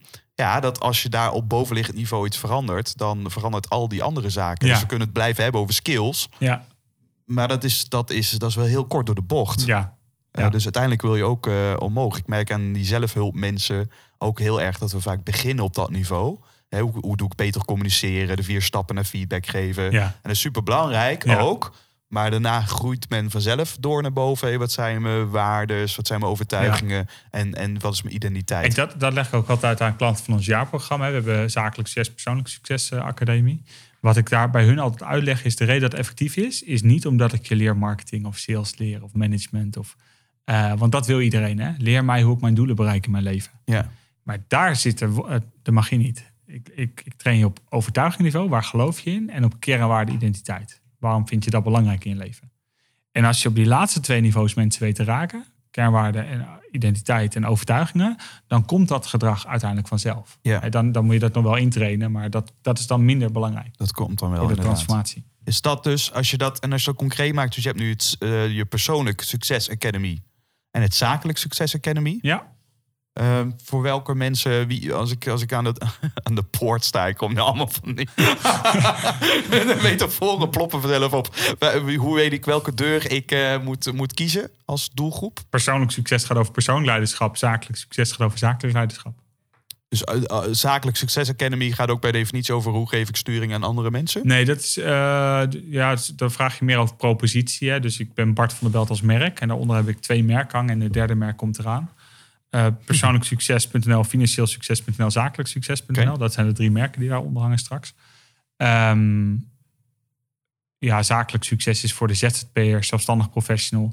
Die van, hun, die van hun bedrijf echt een bedrijf willen maken. Eh, mensen die heel goed zijn in hun vak, maar nooit hebben leren ondernemen... leer ik in een jaar tijd om er een bedrijf van te maken... en te zorgen dat ze zelf leuke dingen kunnen doen... en met hun klanten bezig kunnen zijn... in plaats van alle shit eromheen managen. En persoonlijk succes gaat heel erg over... joh, waarom ben je op deze aarde?